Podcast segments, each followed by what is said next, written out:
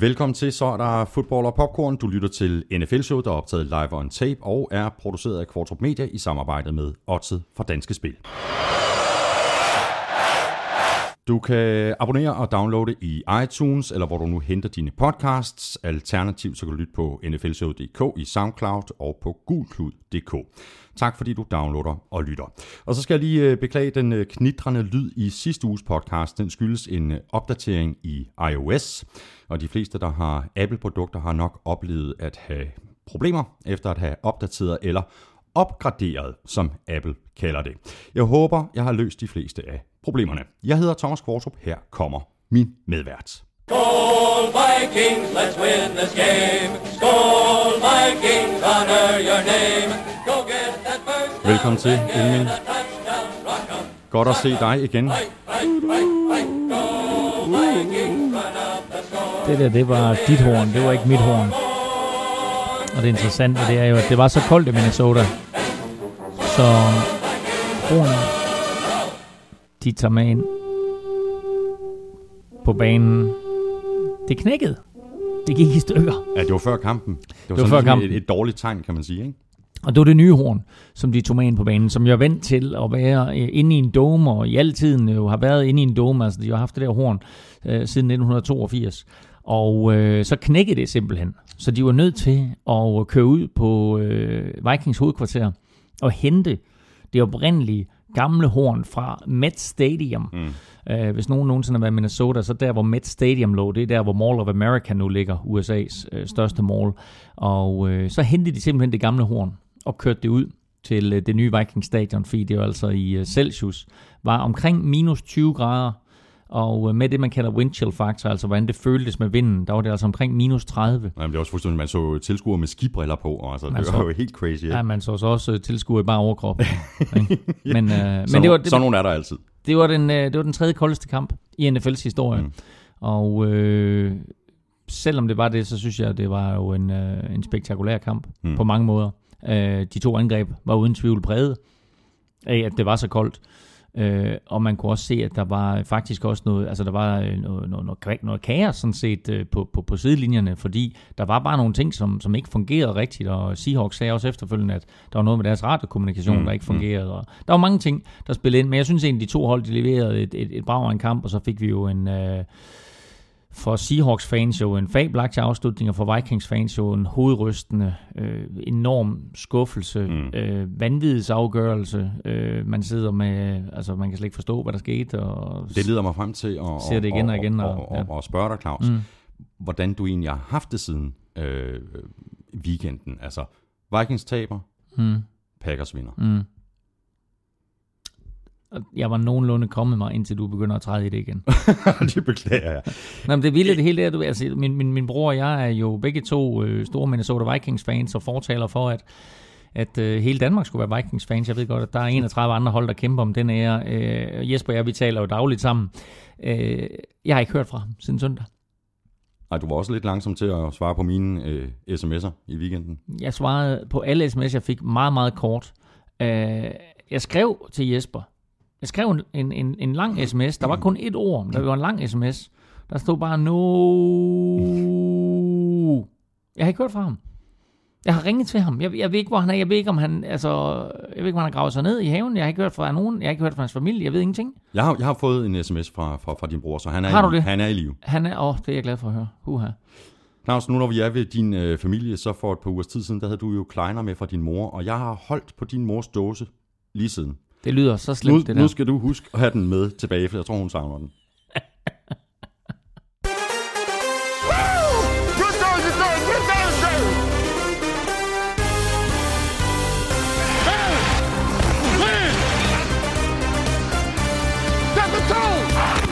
Det var da en fuldstændig vild wildcard-runde i sidste weekend. Alle fire udhold vandt, og der var især drama på drengen i kampen mellem Bengals og Steelers. Og afslutningen i kampen mellem Vikings og Seahawks fik alle lilla drenge til at græde.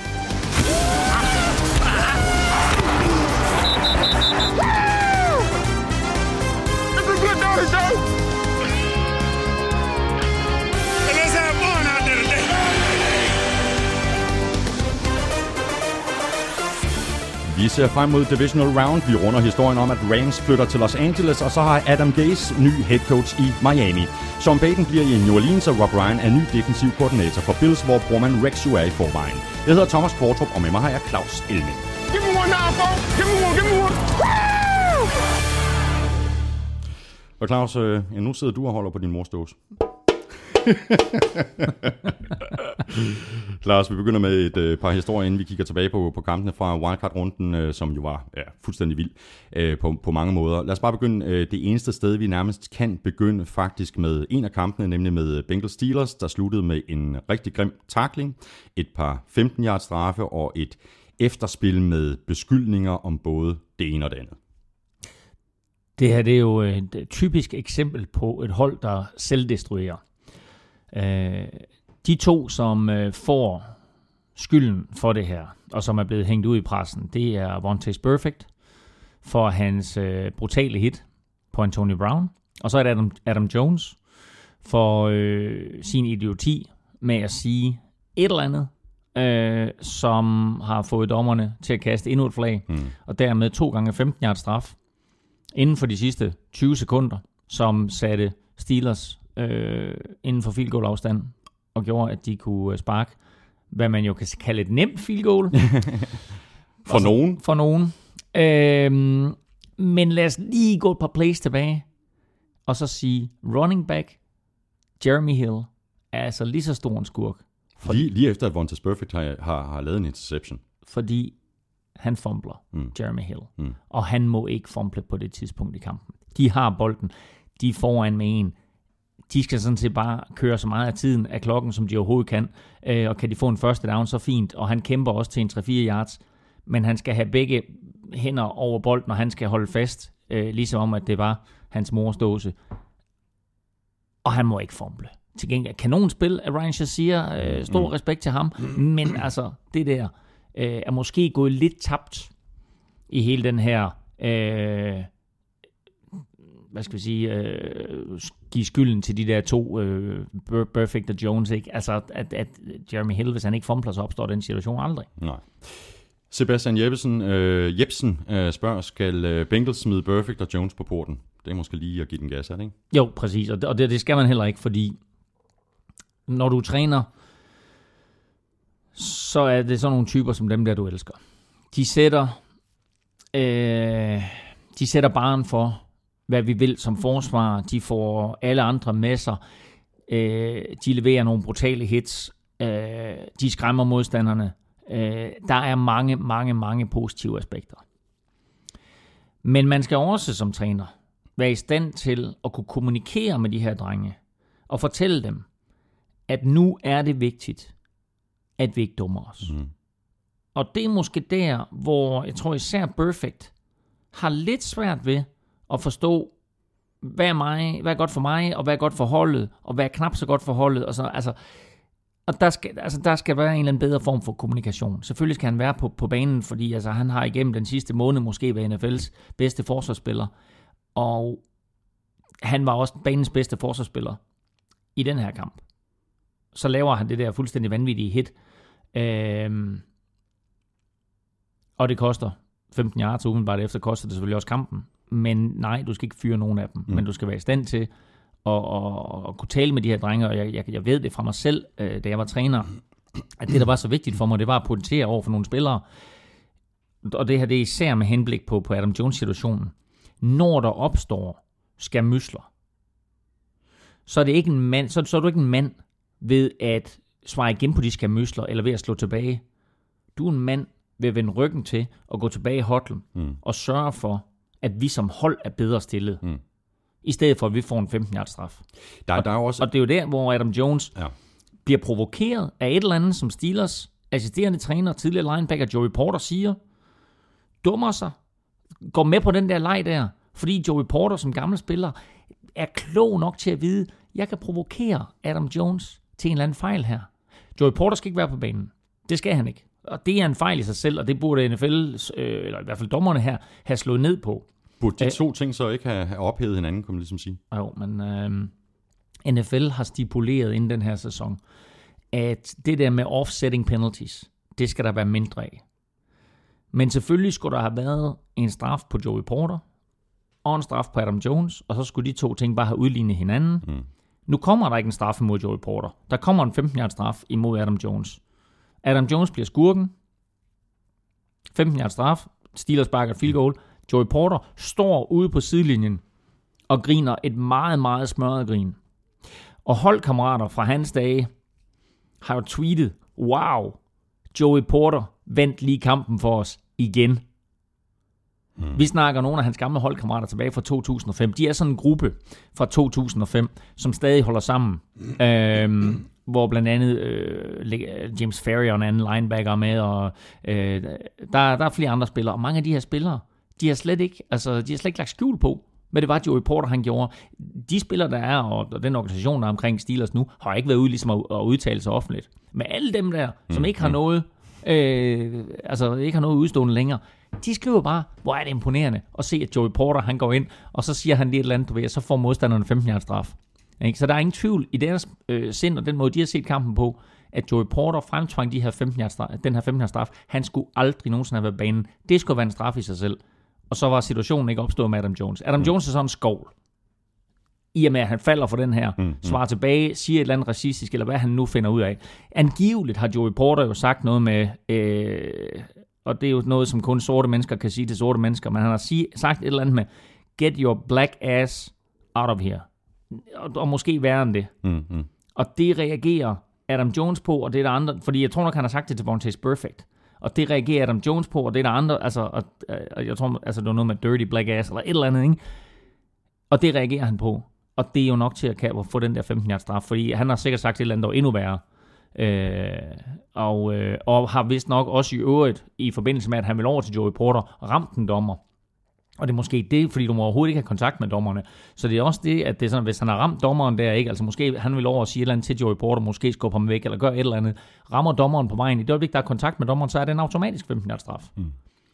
Øh, så, så der er mange aspekter her, men det korte og lange det er, Joey Porter på banen gjorde at Adam Jones var dum nok til at lade sig provokere det. Ja. Jeg kunne godt lige øh, tænke mig at vende tilbage øh, til, til Vontaze Perfect, øh, og det her med at være tændt eller overtændt. Øh, Anders Petersen, han, han spørger, øh, burde Vontaze Perfect overhovedet have været på banen, da han ramte Antonio Brown? Han virkede overtændt og ude af kontrol lang tid før. Jeg er tilhænger af store hits, men dette var uhyggeligt og kunne måske være undgået, hvis dommerne var trådt i karakter tidligere. Men spørgsmålet er, hvad dommerne de skulle være trådt i karakter i forhold til, så skulle det vel være øh, trænerstaben, der så skulle have sagt til Perfect, hey, vi tager dig lige ud i nogle spil, øh, vi kan se, at du er overtændt. Ja, men det gør du ikke. Som træner gør du det ikke, fordi Montez Perfect, han laver en interception kort tid før. Han er et monster på den bane der, og han trækker alle andre med sig. Og nej, altså, øh, og det interessante det er jo, at Steelers linebacker, øh, James Harrison, jo er ude og forsvare hittet. Han siger, det her var jo tidligere ikke et ulovligt hit. Det er blevet et ulovligt hit nu. Og selvfølgelig øh, er det en 5 years straf, efter på den måde reglerne er nu. Men Vontaze Perfect går ned med skulderen, øh, og så kan man sige, okay, altså Vontaze Perfect, han har lavet nogle dirty hits, og det er også derfor, han nu har fået tre spildags karantæne. Mm. Han får ikke tre spildags karantæne for det her hit, men han får tre spildags karantæne for det, øh, som NFL kalder for gentagende ulovligheder. Øh, der var et hit, øh, jeg tror det var i 16. eller 17. spilleuge mod Buffalo Bills, og der var et par andre hits hister her. Så det her, det var dråben? Det her, det var dråben, og han er vist nok i øvrigt også NFL's, øh, den spiller i NFL, der har fået øh, flest bødestraffe mm. i år. Mm. Og det her, det var præcis dråben for NFL, som så siger, så, men ven, nu ser du altså ude i tre kampe næste år. Og det er selvfølgelig en, en straf i sig selv. Øh, ikke bare, at han ser ude i tre kampe, det er en straffe mod Bengals, men det er også en straffe mod ham, fordi det er uden løn. Mm. Øh, så på den måde, der, der mister han altså, øh, hvad, hvad skal jeg gætte på, på 100.000 dollars om ugen ved at sidde udenfor. Sten Bak Andersen øh, skriver, det hedder sig, at NFL er kendetegnet ved, at fangrupperinger kan omgås hinanden uden gnidninger og uroligheder, og der samtidig udvises øh, fairness og respekt i forhold til skadede spillere på modstanderens hold. På den baggrund, hvordan forholder I jer så til den adfærd, der blev udvist fra Bengals fans i forbindelse med Big Bens skade i lørdags, hvor de ligefrem jublede over, at han blev kørt til medicinsk undersøgelse og en enkelt galning oven i købet kastet en øl- eller sodavandsdåse efter ham. Mm, jeg tror faktisk, det var mere end bare en enkelt galning. Mm. Øh, jeg synes, det var pinligt. Fordi det, der er så fedt ved NFL, det er, at du kan have en modstander, og du kan svine en modstander. Øh, men i det øjeblik, at der er en markant profil skadet, så i 9 ud af 10 tilfælde i NFL, så føler hjemmeholdets tilskuere, i det her tilfælde Bengals, så burde de have følt med, med Big Ben, fordi sådan er det på mange andre stadions. Mm.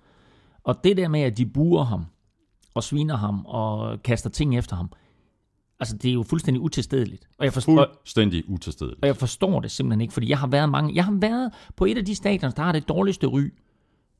Raiders. Oakland Coliseum.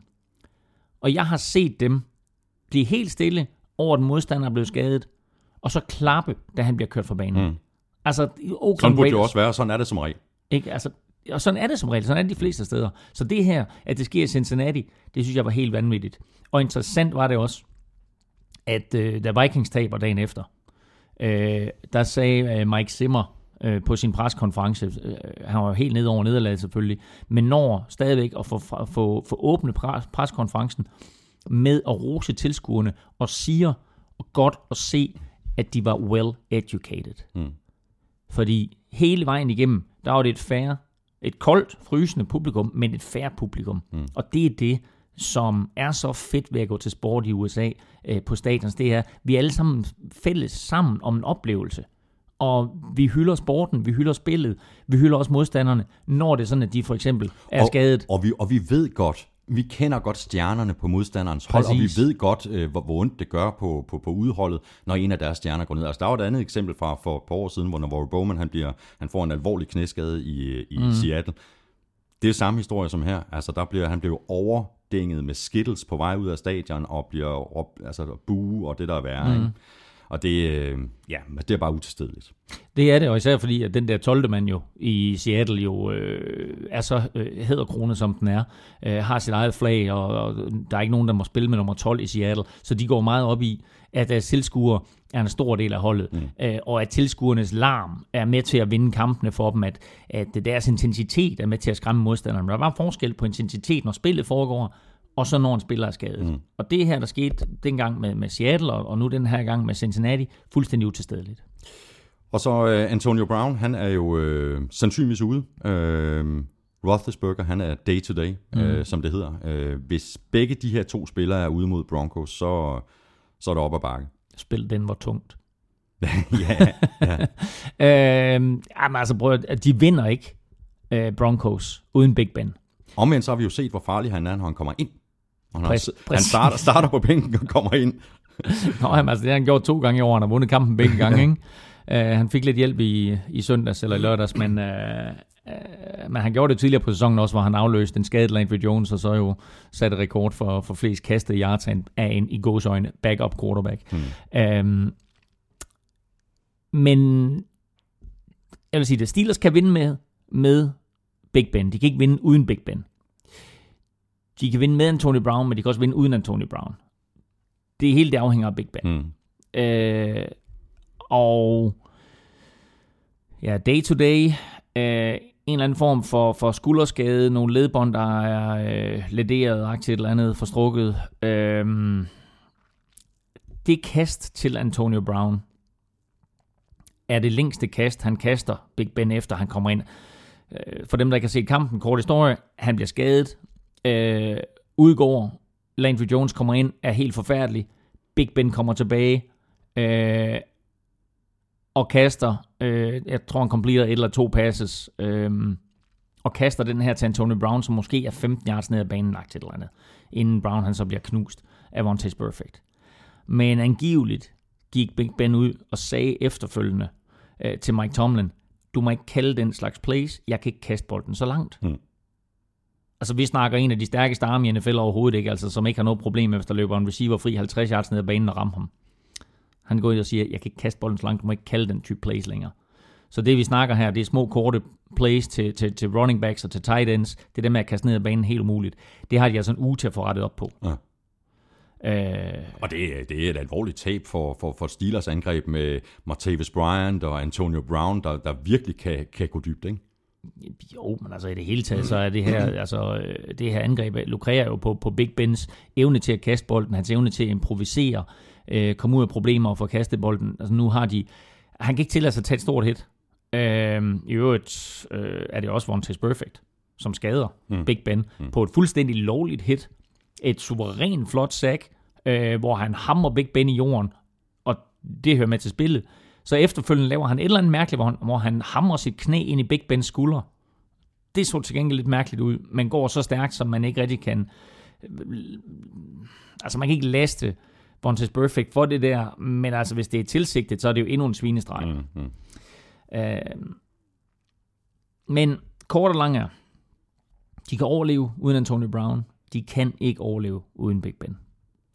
Skal vi ikke lige øh, nove, øh, notere os, at øh, alle fire wildcard-kampe, de endte med, med udsejre. Det er, da en, det er da en historie i sig selv, Claus. Det er første gang nogensinde første gang. i NFL's historie, at fire udhold har vundet. Chiefs, Steelers, Seahawks og Packers var øh, alle sammen jo faktisk oprindeligt favoritter øh, hos de forskellige bookmaker. Øh, Washington Redskins overtog så i løbet af ugen favoritværdigheden imod Packers, øh, men det endte jo altså med, en, øh, med, med, med fire udsejre, præcis som, som forudsagt, selvom vi jo her sad og advokerede for, at der mm. var flere hjemmeholdende, der havde en god chance. Ja. Og så ligger det jo fast nu, at øh, det bliver Rams, der skal til øh, Los Angeles, Claus. Øh, Chargers de får mulighed øh, for at følge efter senere, sådan som jeg har forstået det. Ja, så, ja altså, er, er, snakker vi Rams nu? Nu snakker vi Rams. Okay, du skulle næsten have haft en jingle, for det her, det er jo altså stort. Ikke? Det er kæmpestort. Altså, det her, det er, jo, det er jo lige sket her tirsdag nat. Vi sidder og optager det her øh, onsdag middag. St. Louis Rams. Det er, er, er det breaking news? Kom med den.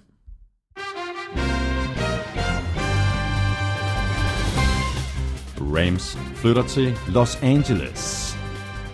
Og vi kan jo godt sige, at Rams flytter hjem til Los Angeles, fordi uh, St. Louis Rams hedder nu ikke længere St. Louis Rams, de bliver officielt Los Angeles Rams og skal allerede fra den kommende sæson, 2016-sæsonen, spille i Los Angeles. Det er endnu ikke fastlagt, hvor de skal spille, om det bliver i Pasadena, eller det bliver på det gamle Los Angeles Coliseum, altså det olympiske stadion, hvor Raiders tidligere har spillet.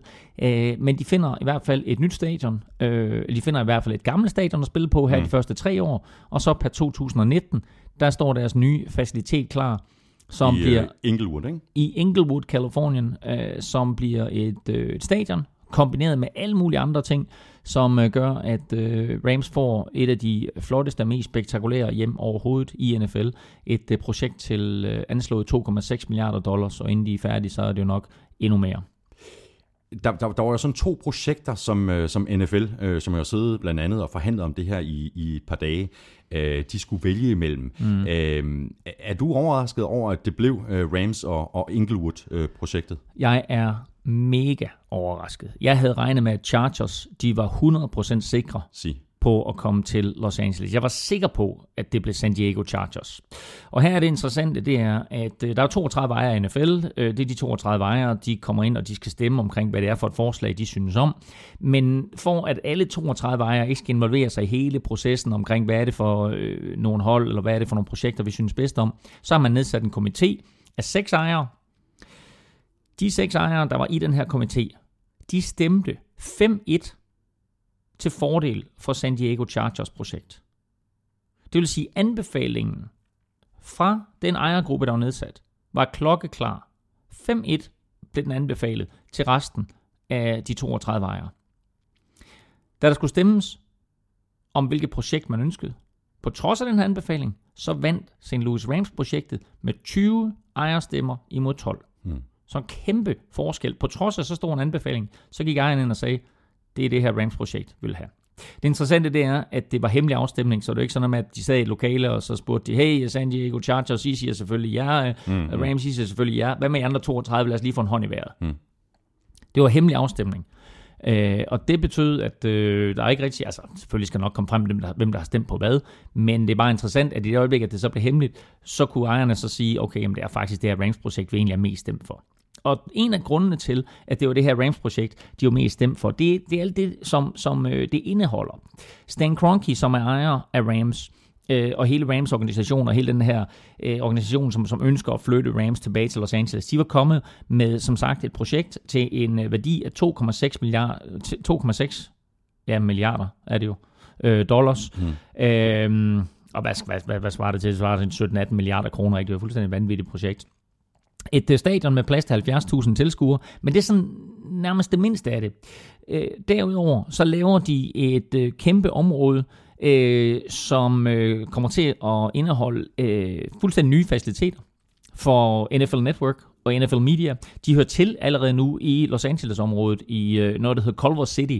Culver City er sådan lidt det nye Hollywood. Der er masser af filmselskaber derude, og masser af filmproduktioner, der mm, foregår derude. Og øh, NFL Network holder også til derude. Jeg har besøgt dem derude faktisk øh, for ja, præcis 10 år siden.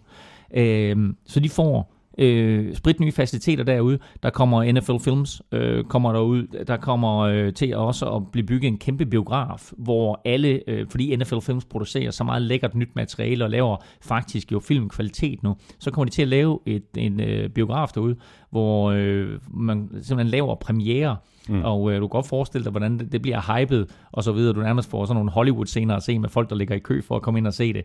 Øh, så en masse ting, hvor man simpelthen siger, vi samler alt, hvad der hedder øh, NFL, medie, øh, network, tv, film, øh, digital for en sags skyld. Vi samler det hele derude. Og øh, det var altså med til, at, øh, at ejerne sagde, okay, det her projekt her, mm. det er faktisk bedre øh, og federe for NFL på den lange bane end San Diego-projektet. Ja, og det der San Diego-projekt, det var jo et projekt, de havde sammen med Raiders. Øh, Carson, øh, mener, jeg, mm. mener jeg, det hedder. Det mm. må, jo, må man jo så formode er lagt i graven nu. Men så er NFL så øh, meldt ud, jamen øh, Chargers bliver det næste hold, der kan følge trop, altså i, i, i forhold til, til Inglewood-projektet. Og hvis de så siger nej, så får Raiders budet. Korrekt. Øh, Carson-projektet er lagt i graven. Nu bliver det her Inglewood-projekt, det er det, de kører med. Hvis Chargers ønsker at blive en del af det, så skal de have hjemmebane der også så bliver det altså fuldstændig, som man kender det fra New York. Mm. Jets og Giants stiller stadion, mm. og øh, hvis det er Jets, der spiller hjemme, altså, så bliver det her stadion oplyst på en eller anden måde i grønt, og alt står Jets på, og hvis det er Giants, der spiller hjemme, så bliver det oplyst i blåt, og der står Giants over det hele. Chargers har et år til at beslutte sig, om de vil følge trop. Hvis de inden for det år ikke får afklaret, hvad de vil, så bliver de i San Diego. Så får Raiders angiveligt budet.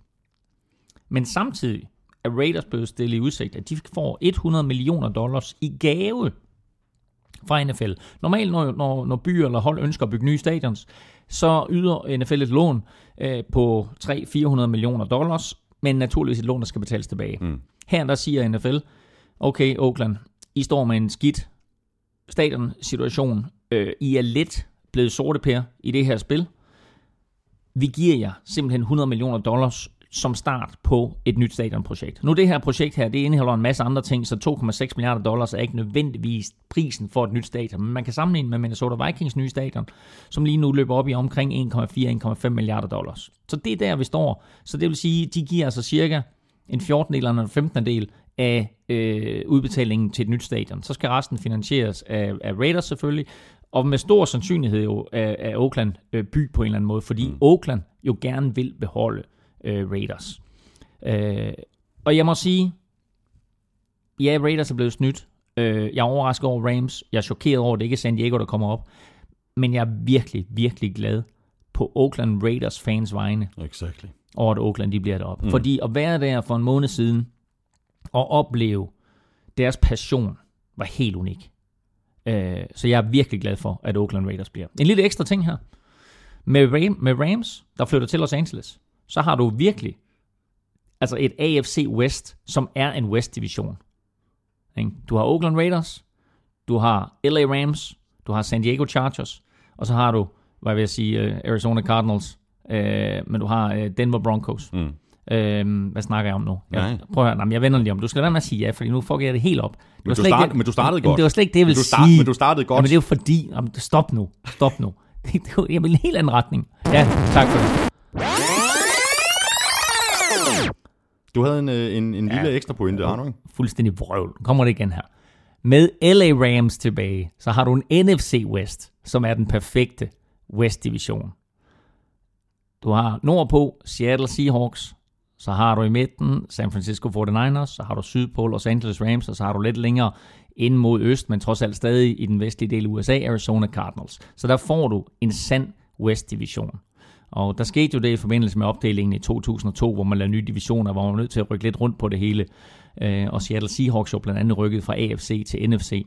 Men nu her, der får du altså en, en sand vestdivision, og det synes jeg på en eller anden måde er en ekstra lille bonus ved at flytte St. Louis Rams.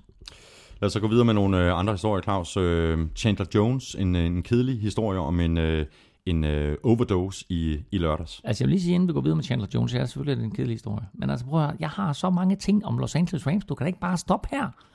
Men okay, vi tager den på et andet tidspunkt. Det skal være på den måde. Nå, men det skal det ikke. Nej, nej. Jeg troede, du sluttede af med den her lille krølle på halen.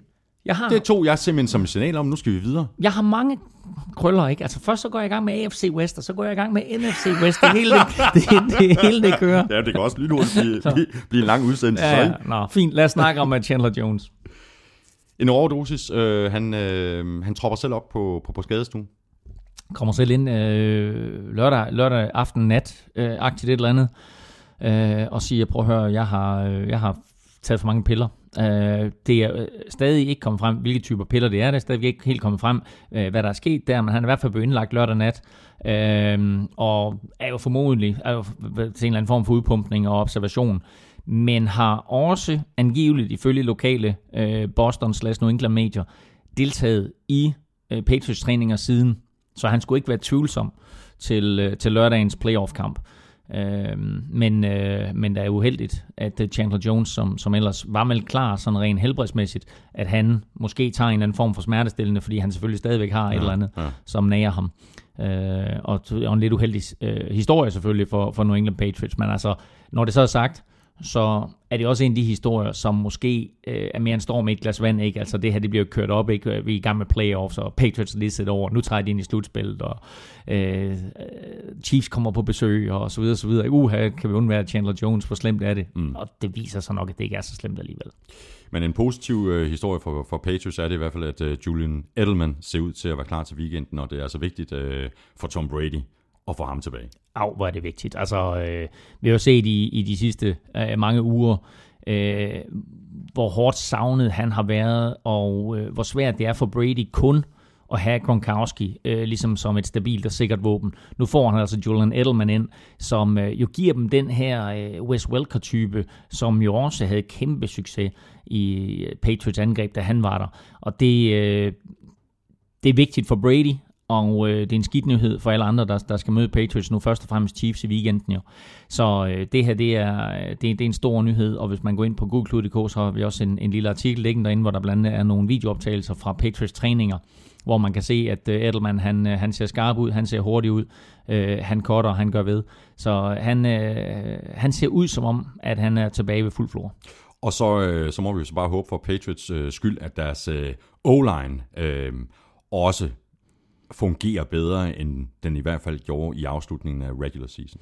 Det må man sige, og, og en af de mest positive aspekter er jo selvfølgelig, at øh, Sebastian Folmer, den tyske tackle, øh, er tilbage, så der er i hvert fald øh, hjælp at hente der. Øh, han er nok den mest stabile mm, kraft mm. på den øh, offensive linje, så øh, vigtigt, at han kommer tilbage, og så, så må man starte derfra, men der er stadigvæk spørgsmålstegn på linjen.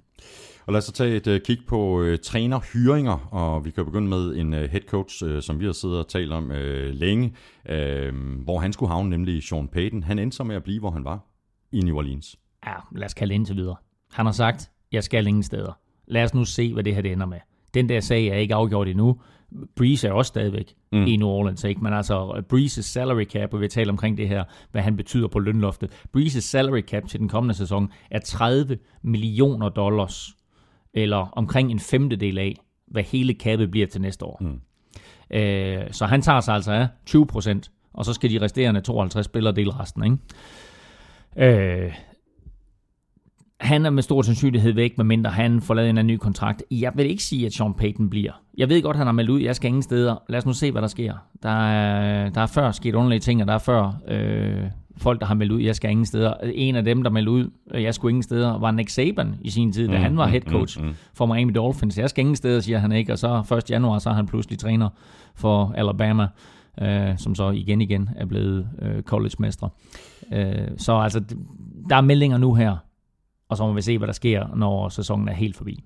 Kasper Hasselqvist, han spørger faktisk lige præcis om Nick Saban, om han ikke kunne være en seriøs kandidat til at besætte en af de, de ledige head coach positioner. Altså, hans, han har en record nu på 118 på, øh, på ni sæsoner og fire mesterskaber. Altså Så 100, det- 100 vundne, vundne kampe og 18 tabte. Ja. Øh, jo, men Nick Saban er Kunne, kunne New York øh, Giants være et, øh, et match, spørger øh, Kasper Hasselqvist. ja, meget konkret. Øh, ja, selvfølgelig kunne de det. Og selvfølgelig er Nick Saban en god træner. Men man skal også bare lægge mærke til, at han har haft øh, forskellige chancer i NFL. Øh, han har været defensive back coach, han har været defensive coordinator, og ikke mindst har han været head coach i to sæsoner for Miami Dolphins. Øh, de to sæsoner gik aldrig helt, som Nick Saban gerne, øh, naturligvis gerne vil have det. Og øh, han, øh, han, hans ophold der blev også forkortet, så, så pludselig så var der rygtedannelse om, at øh, Alabama gerne ville have ham som træner, og så droppede han Dolphins øh, og øh, blev, blev head coach for Alabama. Øh, Nej, det jo ikke det pæneste exit. Nej, det var det ikke. Det interessante, det helt, helt, helt interessante ved Nick Sabans historie der med Miami Dolphins, det er, det her, det var i, jeg tror det var 2006-2007, han var head coach dernede. I 2006, der stod de og skulle bruge en ny quarterback. Og valget stod mellem to free agents, der havde haft masser af succes, eller noget, noget succes i hvert fald. Den ene har haft masser af succes. Han hed Dante Culpepper Mm-hmm. for Minnesota Vikings. Og han nødt godt af, at han spillede sammen med Randy Moss. Den anden hed Drew Brees, og havde en skulderskade. De valgte Dante Culpepper. Dolphins har været lort siden. Mm. Saints fik Drew Brees. Saints har været med i kapløbet øh, om at vinde øh, deres divisionstitel hver evig eneste år, og har sågar vundet en Super Bowl øh, og presset på for at vinde endnu flere i den der periode der. Så det er måske en af de store fejl, han begik i sin tid der. Det, er- det er så, hvad det er. Det, det kunne have sket for enhver. Øh, får en god start dernede, taber en del kampe alligevel, anden sæson helt skidt, bliver fyret eller vælger selv at gå, kommer til Alabama, viser igen i Alabama, at han kan coache college football. Jeg kan ikke svare på, jeg kan ikke sige, om han kan coache NFL. Han fik ikke bevist det, da han var i Miami Dolphins. Der er masser af andre college coaches, der er kommet ind, og ikke har kunnet få deres system til at virke i NFL. Seneste eksempel, Chip Kelly. Mm. Altså, så der er bare forskel på at coache college og coache NFL. Der er nogle enkelte college coaches, der kommer over og får succes. Jimmy Johnson kom fra University of Miami, som vi talte om i sidste uge til Dallas Cowboys. Cowboys gjorde dem til tredobbelte mestre. Der er andre, der kommer ind. Uh, Pete Carroll, som er head coach for uh, Seattle Seahawks nu, kom jo fra USC, hvor han også har stor succes, uh, et cetera, et cetera. Men kort fortalt, generelt har de her college coaches svært ved at få det til at fungere. Og jeg tror ikke på, at Nick Saban kommer til NFL. Og han øh, kommer i hvert fald ikke til øh, Dolphins, fordi de har jo hyret øh, Adam Gase som ny øh, head coach øh, fra Bears, øh, hvor han var offensiv koordinator, og umiddelbart så ser det ud til at være en, en fornuftig signing. Det her. Han havde i hvert fald succes, øh, eller hans arbejde med Jay Cutler var i hvert fald en succes. Jay Cutler taler stort om ham. Øh, der er roser for hele Bears-organisationen. En øh, vigtig spiller, som også taler rigtig, rigtig godt om Adam Gase, er Peyton Manning. Fordi Peyton Manning og Adam Gase havde et mm. vigtigt samarbejde, øh, mens John Fox og Adam Gase var, var træner i, i Denver Broncos helt indtil og med sidste sæson. Øh, så øh, en, øh, en træner, som kommer med en øh, masse lovord øh, og en masse markante spillere, som udtaler sig positivt om ham, og han har jo sågar fået mig til at tale positivt om Jay Cutler i år. Mm. Øh, jeg har mm, de sidste par måneder Det siger her, alligevel en del. ja, jeg har de sidste par måneder her nok siddet og ros Cutler mere, end jeg nogensinde havde forestillet mig i mit liv, jeg skulle gøre. øh, og ikke mindst jo, fordi Cutler har skåret ned på sine fejl. Men i en sæson, hvor der er flere quarterbacks end nogensinde før, der kaster for 3.000 yards, jeg tror, vi når op på 14 eller sådan noget i den her sæson. Det er flere end, end nogensinde. Det er næsten halvdelen af NFL's quarterbacks, der kaster for, ikke for 3.000 yards, for 30 touchdowns. Øhm, der kaster Kotler 21, så vidt jeg husker. Altså, det er bare ikke særlig mange. Øh, det er færre end James Winston. Det er færre end Derek Carr, altså, et cetera, et cetera. Så, altså, ja, han har skåret ned på hans fejl, øh, men jeg synes måske nok, at, okay, altså, og så okay, altså, der var ikke nogen Brandon Marshall, og han manglede måske også nogle andre våben at kaste til Jake Cutler, men jeg vil godt have haft lidt mere ud af ham. Mm, mm. Nu kommer Adam Gase ind, og han er nok, sammen med Hugh Jackson, nok de to mest eftertragtede coaching-emner. Så, øh, altså, må man sige, så er der Tom Coughlin også jo selvfølgelig, som godt kunne gå hen og blive ret eftertragtet. Men altså, øh, af, af Ja, og lige, koordinatoren... præcis, og lige præcis dem, du nævner her, de har jo været nærmest på, på rundtur i USA, og været Præcis. til samtale både det ene og det andet og det tredje sted. Ikke? Lige nøjagtigt. Øh, så øh, så der, er, øh, der er store forventninger til Adam Gase, og jeg håber i den grad, han kan leve op til det. Han har i hvert fald stort arbejde foran sig med at finde ud af, om han vil holde fast i Ryan Tannehill, eller øh, de skal hente Drew Brees, mm. eller de skal drafte en quarterback. Så er, er Bills jo blevet mere eller mindre sådan et uh, rent familieforetagende. De har nemlig hyret Rob Ryan som assisterende head coach og defensiv koordinator. Mm. Så er de også selv ude om det. Ja, både og jo, fordi øh, Terry Pegula, som er ejer af New York Jets, har været ude og melde klar ud. Rob, undskyld Rex, er det Rex? Hvis vi ikke kommer i slutspillet til næste år, Så er det ud. så er det ud. Så der hænger en fyreseddel på døren der, og Rex han bestemmer sådan set fuldstændig selv, øh, om den skal hives ned og smides i skraldespanden, eller han kan tage den og stoppe den i lommen. Fordi øh, målet er klart. Buffalo Bills skal tilbage til slutspillet for første gang i, er det, er det 17 år, 16 år, 17 år, aktivt eller andet. Hvis det ikke sker, så bliver Rex fyret.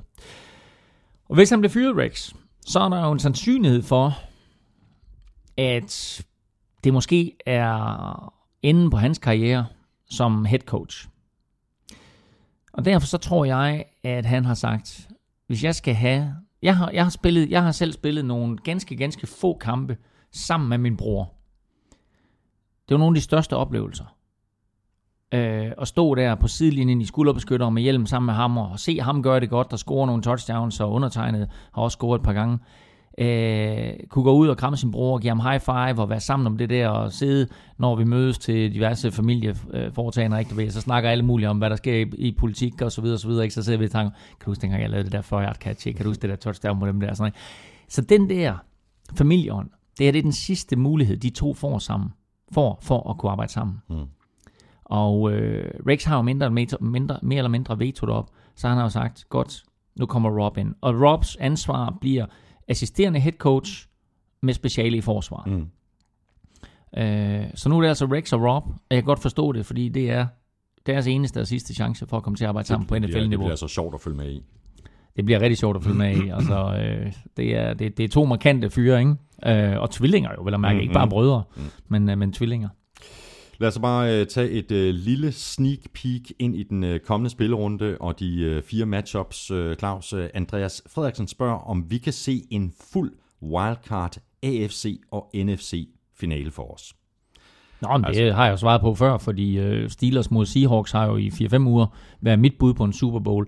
Det fik et alvorligt slag i weekenden øh, med øh, skaden til Big Ben og Antonio Brown. Øh, Øh, og som sagt tidligere, så hvis Big Ben ikke spiller, så vinder de ikke den kamp. Men, øh, men spiller han, så er der, der stadigvæk en chance for, at, øh, at det bliver Steelers mod Seahawks. Der er en øh, lille interessant anden wildcard-kamp, som kunne komme på spil, nemlig Packers mod Chiefs. Og hvorfor er det interessant? Det er fordi, det her det er NFL's jubilæumsår nummer 50. Og hvad var Super Bowl 1? Packers mod Chiefs. Det kunne være den, altså den helt eventyrlige afslutning på den her sæson. Og der er der også en lille bitte, sådan en lille quarterback-ting i Oh, lige præcis ja. den der kamp. Ja, det er rigtigt, Altså, ja. fordi Alex Smith blev taget, øh, altså first overall, ikke? og ja. Aaron Rodgers øh, faldt ned til, jeg kan ikke huske, om det var nummer 22 eller et Mm. eller andet, og vi ved godt, hvilken quarterback øh, det er gået bedst for siden da. Øh, uden tvivl. Øh, men altså, vi ved også godt, hvilken quarterback, der har vundet 11 kampe i træk i år. Præcis. Øh, og øh, det interessante ved, øh, ved de her fire øh, divisional round kampe, det er, at det er første gang nogensinde i NFL's historie, at fire first overall draft picks er øh, blandt de sidste otte hold. Og det er fire quarterbacks selvfølgelig. Det er Peyton Manning, der blev draftet nummer 1 i 1998. Det er Carson Palmer, der blev draftet nummer 1 i 2003. Det er Alex Smith, der blev draftet nummer 1 i 2005. Og så er det Cam Newton, der blev draftet nummer 1 i 2011. Derudover to andre første runde draft picks. Big Ben, der blev draftet i første runde i 2004, og Aaron Rodgers, der blev draftet i første runde i 2005, samme år selvfølgelig som Alex Smith. Så har vi tredje runde quarterback, som er Russell Wilson fra 2012, og så har vi en eller anden øh, quarterback, der blev draftet i 6. runde tilbage i 1999, der hedder Brady. Tom Brady. Så altså seks hold har en quarterback, der er draftet i første runde. Russell Wilson, må vi sige, burde have været draftet i første runde. Det gjorde Tom Brady selvfølgelig også, men det vilde af det hele, det er, Tom Brady er den eneste af alle de her quarterbacks, som imod alle odds draftet i 6. runde, og skulle bare have været sådan en eller anden backup, backup, backup. Lige nu jo er øh, NFL's bedste quarterback gennem de sidste 10 år. skal have quizzen. Åh, Det er tid til quiz, quiz, quiz, quiz. quiz. er, det ikke, er det ikke rigtig klart? Jo, vi skal Det er have quizzen. Og ved du, hvad det fede af det hele er? Nej. Det kunne ikke have været bedre set op, det der. Overhovedet. Det er jo helt tilfældigt. Du vidste ikke det her. Så, så det, det er skønt, det her. Setup er nemlig, apropos Tom Brady, så har han spillet nu 29 playoff-kampe. Når han spiller nummer 30 på lørdag, så tangerer han rekorden.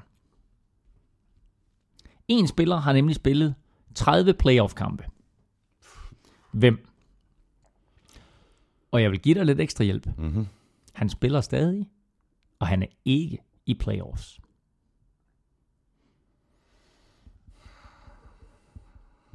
Jeg er fuldstændig blank. Og når, vi så, også- og, når, også- og når vi kommer til svaret, du har en, du har en halv time, time til at tænke over det. Når vi kommer til svaret, så får du et ekstra lille hint, hvis du ikke er kommet på det. The 11 best games of the year to crown one champion. Off we go with the playoffs. And Niall Davis will bring it out from six deep. Davis across the 50. Davis is gone! Niall Davis starts the playoffs with a bang! 106 yards! Touchdown, Chiefs! Whoa! Ja, wow. Claus, øh, så var vi ligesom i gang med det her slutspil. øh, Sikkert return af Nile Davis øh, og Chiefs, de så sig aldrig tilbage og vandt med, med 30-0 over Texans. Hvor løber Nilen hen? Ja, nedad. ja, ja. Men, øh, men jeg så en sjov kommentar, og det var, The Nile, altså som i Niles Davis, ikke? Øh, eller Nile Davis, The Nile runs into the end zone. øh, for det var det, han gjorde på det her kick-off return. Øh, og, og på den måde sparkede øh, slutspillet i gang på øh, den mest effektive måde overhovedet, og i en kamp, som man på forhånd havde regnet med, at den her den skal være lavt scoren, det er forsvar, der skal afgøre det, der var man godt klar over, at en 7-0-føring på kampens åbne kickoff, det er altså markant. Øh, og Texans kom sig jo heller aldrig. Nej, og, og Brian Hoyers øh, første playoff-kamp var det jo, øh, det var mere eller mindre en katastrofe lige fra starten af. Altså, han, han fumblede en enkelt gang, og så kastede han fire interceptions. Han så aldrig ud til sådan at føle sig helt tryg ved situationen. Prøv at det der, det er den, der har været mange dårlige quarterback-præstationer igennem sæsonen og i slutspillets historie. Det der, det var den dårligste overhovedet. I hele sæsonen er nogen quarterback, og i måske nogensinde i slutspillets historie. Mm. Fire turnovers af Brian Hoyer alene i første halvleg. To af hans interceptions, helt igennem forfærdelige. Hans fumble, tåbelig. Øh, alligevel står det jo kun i gåsøjne 13-0 til Chiefs ved pausen. Chiefs, undskyld, Texans forsvar holder Chiefs angreb til to field goals på trods af fire turnovers. Det der Texans forsvar, de spillede så godt. J.J. Watt og Whitney Merciless var en force i første halvleg. J.J. Watt udgår og sidder helt anden halvleg mere eller mindre på bænken. Øh, og det kommer til at koste, øh, sammen med, at Texans ikke skifter quarterback. Jeg synes, det var en kæmpe fadese af Bill O'Brien, at han ikke skiftede quarterback. Ja, fordi man kunne jo se, at han havde jo ingen selvtillid. Han havde ingen selvtillid, og altså... Øh, Du ser ham på sidelinjen, han, han altså, Jo, du kunne se det og- på hans og- øjne, ikke? Altså, det, og, og, og, og der er noget andet, og jeg ved godt, at, at det er svært. Men vi talte om i sidste uge, at Texans har skiftet quarterback ni gange i løbet af sæsonen, øh, og at Brian Hoyer var blevet deres starter, og han havde været skadet i to uger og kom tilbage, og så skulle han øh, pludselig ind. Men Brandon Whedon havde de to foregående uger scoret over 30 point i begge kampe. Og selvfølgelig er det nemt at være bagklog. Men Bill O'Brien skulle have sat Whedon ind i pausen, eller og jeg tror, Bill O'Brien stiller sig selv, og har stillet sig selv det her spørgsmål siden i lørdags. Skulle jeg have startet Brandon Whedon? Hmm. Whedon havde succes. Han fik Texans angrebet til at flytte bolden. Løbeangrebet fungerede. Kastangrebet sågar en dag også. Det gjorde det ikke med Brian Hoyer. Øh, og ja, altså, det er så dejligt nemt at kunne sidde her bagefter. Og men de spiller så også mod Chiefs forsvar, som er et klasseforsvar. Selvfølgelig gør de det. Selvfølgelig gør de det, men altså de fejl, Brian Højer han begår, Altså, puha du. Da han kaster, da han kaster nummer tre, jeg tror, jeg havde taget ham ud allerede der. Mm. Fordi det var, de var jo forfærdelige, de der interceptions. Altså, det var helt latterligt. Fuldstændig, Øhm. fuldstændig vanvittige interceptions, ja. altså. Uh, altså, den ene nede på mållinjen, det er godt forsvarsspil. De to andre interceptions, hvor han kaster lige hænderne på Eric Berry og Marcus Peters, jamen det er unødvendigt. Mm. Uh, og det er et vanvittigt, og det, jamen det er, nej, jeg kan, slet ikke, jeg kan slet ikke beskrive, hvor dårligt det er, fordi der er nogle interceptions, man kan acceptere, og så er der nogle, man ikke kan acceptere, og de to der er fuldstændig uacceptable. Mm. Uh, og altså, der må man bare gøre noget. Altså en af de sværeste beslutninger, jeg har stået overfor som træner, det var da at skifte min, min uh, superstjerne quarterback ud med min backup. Men min backup gik ind og vandt, øh, gik ind og vandt kampen. Øh, på trods af, at jeg godt vidste, at han ikke var lige så god som, som min starter. Hvad var problemet med starteren? Han kunne, ikke, han kunne ikke flytte bolden. Vi kunne ikke flytte bolden. Øh, og så sætter jeg øh, vor- vores backup ind, øh, og det var da jeg var, da jeg var træner for Avedøre Monarchs, øh, og, og de drenge, der sidder og lytter med, som, som har spillet øh, og, og var med i kampen, kan sagtens huske det. Altså, øh, sat øh, vores, vores øh, superstjerne Martin Mikkelsen af, øh, og, og, og så sagde man kan da ikke tage Martin Mikkelsen ud. Øh, han er jo øh, altså, øh, siden jo blevet øh, en af Danmarks mest fremtrædende dommere meget, meget øh, dygtig spiller, meget, meget klog spiller, men altså, jeg, jeg satte ham af, og øh, satte vores backup ind, og, og, øh, og han gjorde det godt, så vi vandt kampen. Øh, og næste uge, så startede Martin selvfølgelig igen. Så, øh, så på den måde, der, øh, øh, der kom, altså, øh, kom vores backup, øh, som hed Jacob Kæler ind, og, og vandt kampen for os. Og det er jo lidt det, Brandon Whedon har gjort to uger i træk. Og derfor så står man som Bill O'Brien også og siger, jamen okay, vores backup har vundet nogle kampe, selvfølgelig går jeg med vores starter, men i det øjeblik starteren ikke får det til at fungere, mm, mm. så er det altså ind med backup og prøve noget nyt. Men og det- det, og det, det tog ham for lang tid. Han gjorde det jo ikke. Det tog ham for lang tid, og så var det et spørgsmål om, nu redder jeg lidt min egen ære, jeg redder lidt Brian Højers ære, i stedet ved at prøve at sætte øh, Brandon Whedon ind, og Brandon Whedon skulle have været ind midt i anden kvartal. Mm. Man kan også sige, at det her det må være Bill O'Briens øh, prioritet nummer et i den her offseason. Hvem skal spille quarterback næste år i Houston? det blev så udstillet i den der kamp, at øh, der skal ske noget på quarterback. Fordi de har stadigvæk det her giftige forsvar. Et forsvar, der først fandt sig selv efter syv spilleuger i år, men så til gengæld også har været suverænt. Men det er så afhængigt. Alt i NFL er så afhængigt af en quarterback.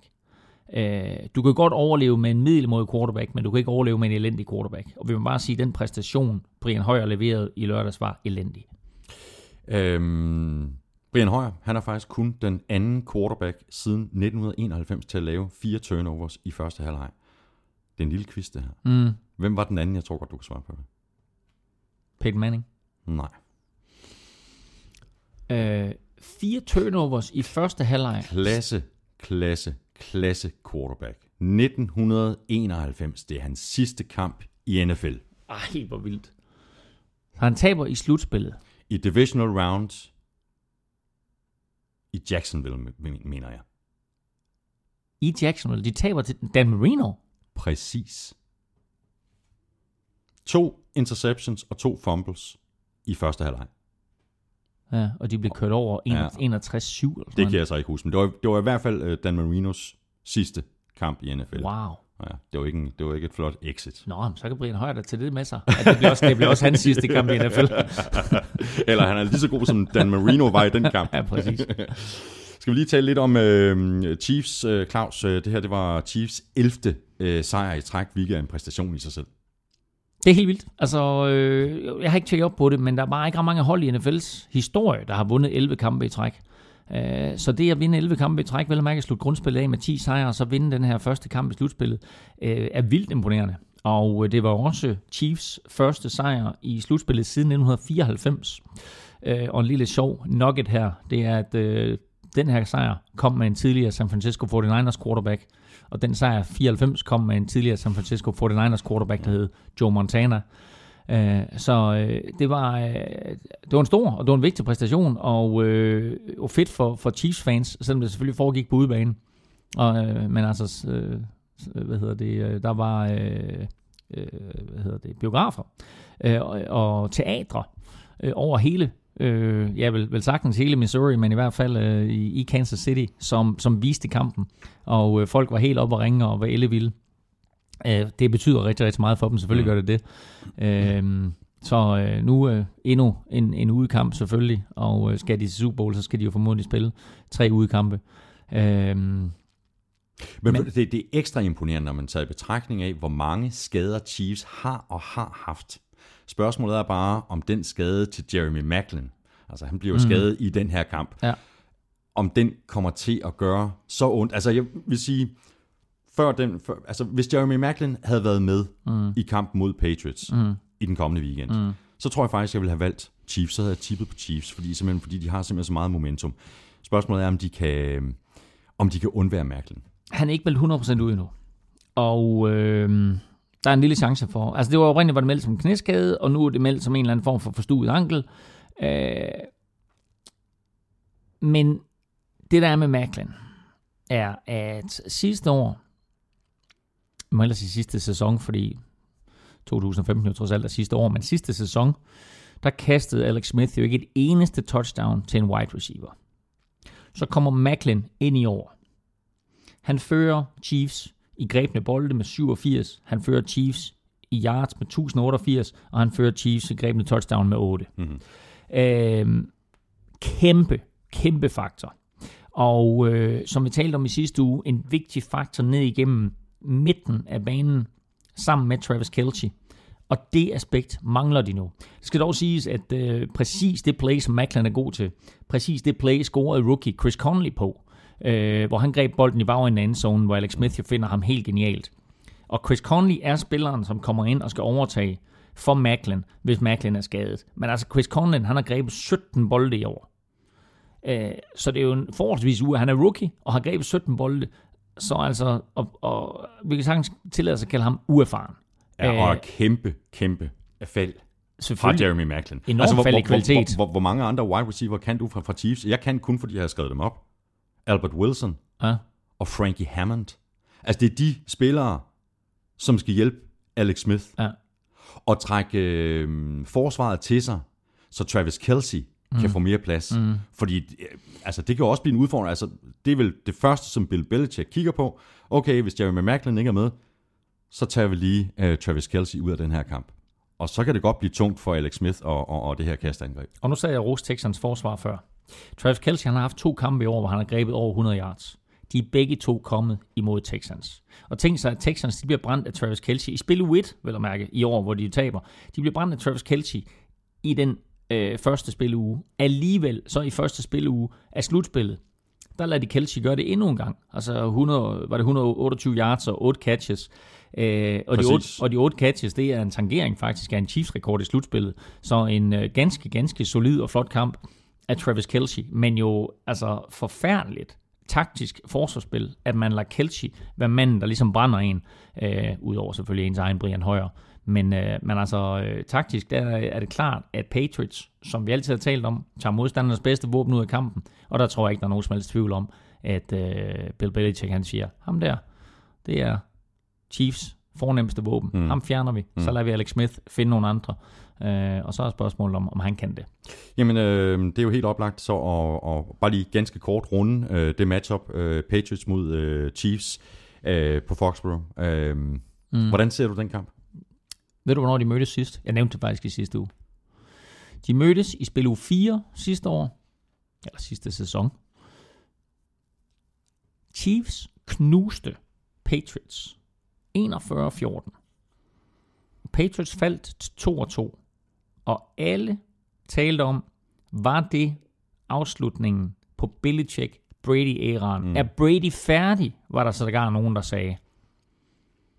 Så vandt de 10 ud af de næste 12, gik i slutspillet, vandt tre kampe i slutspillet, stod i Super Bowl, vandt over Seattle Seahawks på det der fuldstændig, den der fuldstændig fantastiske afgørelse. Ikke?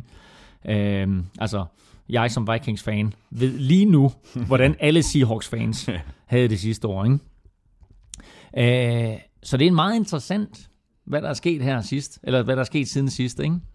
Øh, det er sådan, øh, ja, det er halvandet år siden, det her, ikke? Og, øh, og der, var, der, var, der var Chiefs altså godt på vej til at lukke ned for hele Brady-æraen. Ja. Og øh, nu står vi altså i en situation, hvor det stadigvæk er Tom Brady, der er NFL's posterboy, og Chiefs der er underdogs. der er virkelig mange spørgsmål frem til den her kamp. Altså, hvordan kommer Patriots angrebet til at fungere? Hvordan kommer Chiefs angrebet til at fungere, hvis de ikke har Macklin med? Og det tror jeg ikke, de har. Mm. Øh, Jamen, det er et fantastisk spændende matchup. Lad os... Og, og, og nu, nu, nu sagde du lige tidligere, at Chiefs har et, for, et godt forsvar. Det der forsvar kommer på en, en vigtig, vigtig opgave. Men det kan godt være, at den, øh, den offensive linje, som Patriots har, der er så skadesramt og, og, og uden kontinuitet, mm.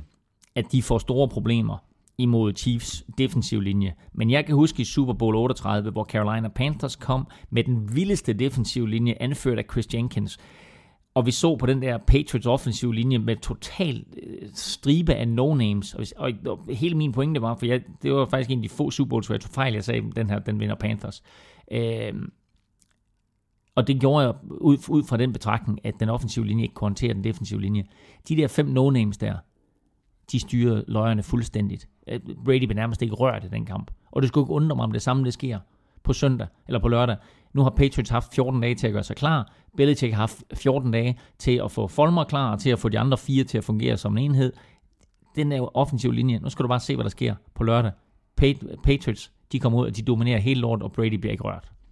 Ja, det vil jeg godt se, før jeg, før jeg tror det. Men det, det er i hvert fald et matchup, som, øh, som alle de kan se frem til. Det mm. bliver simpelthen brandhammerne spændende. Så videre til øh, det her rivalopgør mellem øh, Bengals og Steelers, der endte i et øh, drama og med en af de mest vanvittige afslutninger i øh, playoff-historien, og altså med en sejr til Steelers på 18-16. Og det kan godt være, som vi allerede har talt om, Claus, indledningsvis, at der øh, var nogle svinske taklinger, især øh, en, altså den der Vontaze øh, Perfects mod Antonio Brown. Men jeg var rigtig, godt underholdt. Det var der en kanonkamp, og indeholdt øh, alle de aspekter, sådan en, en, en playoff-kamp skal indeholde, og især mellem sådan to hold, som jo spiller i division hinanden, øh, imod hinanden og kender hinanden rigtig, rigtig godt, øh, hvor der også er en, en masse øh, had øh, imellem dem. Øh, så det var da øh, en, altså efter den fuser, som Texans og Chiefs var, så var den her kamp øh, sent lørdag nat, skråstrej søndag morgen, øh, jo vidunderligt, og vi sad op, øh, nogle drenge og så kampen, og vi sad der og råbte og skreg af fjernsynet, ikke? Og, og der afgørelsen kommer til sidst. Altså, vil jeg lige sige, Martavis Bryans catch. Fuldstændig crazy. Hold nu kæft, hvor vildt. Ikke? Altså. Øh, det er på niveau med et andet catch, som vi har talt meget om. Jamen, prøv, altså, de, de, vi har, altså, hvis man ikke har set det catch, så gå ind på Google Klud og se det, for det ligger derinde, og det er ugens øh, mest læste artikel overhovedet. Og øh, overskriften var også bare et eller andet med øh, se godt efter Odell, eller Odell go home, ja, eller hvad det nu ja, var, ikke? Altså, fordi det er da, altså Odells catch er vanvittigt, men det her, det er jo lige så vanvittigt, ja, bare på en anden måde. Ja, ja, fuldstændig. Så et crazy catch af, Martavis Bryant, og, og, og, og det, var, var det, til, det var faktisk til en ret stor føring, var det til 14-0 eller sådan noget for, for, for Steelers på det tidspunkt.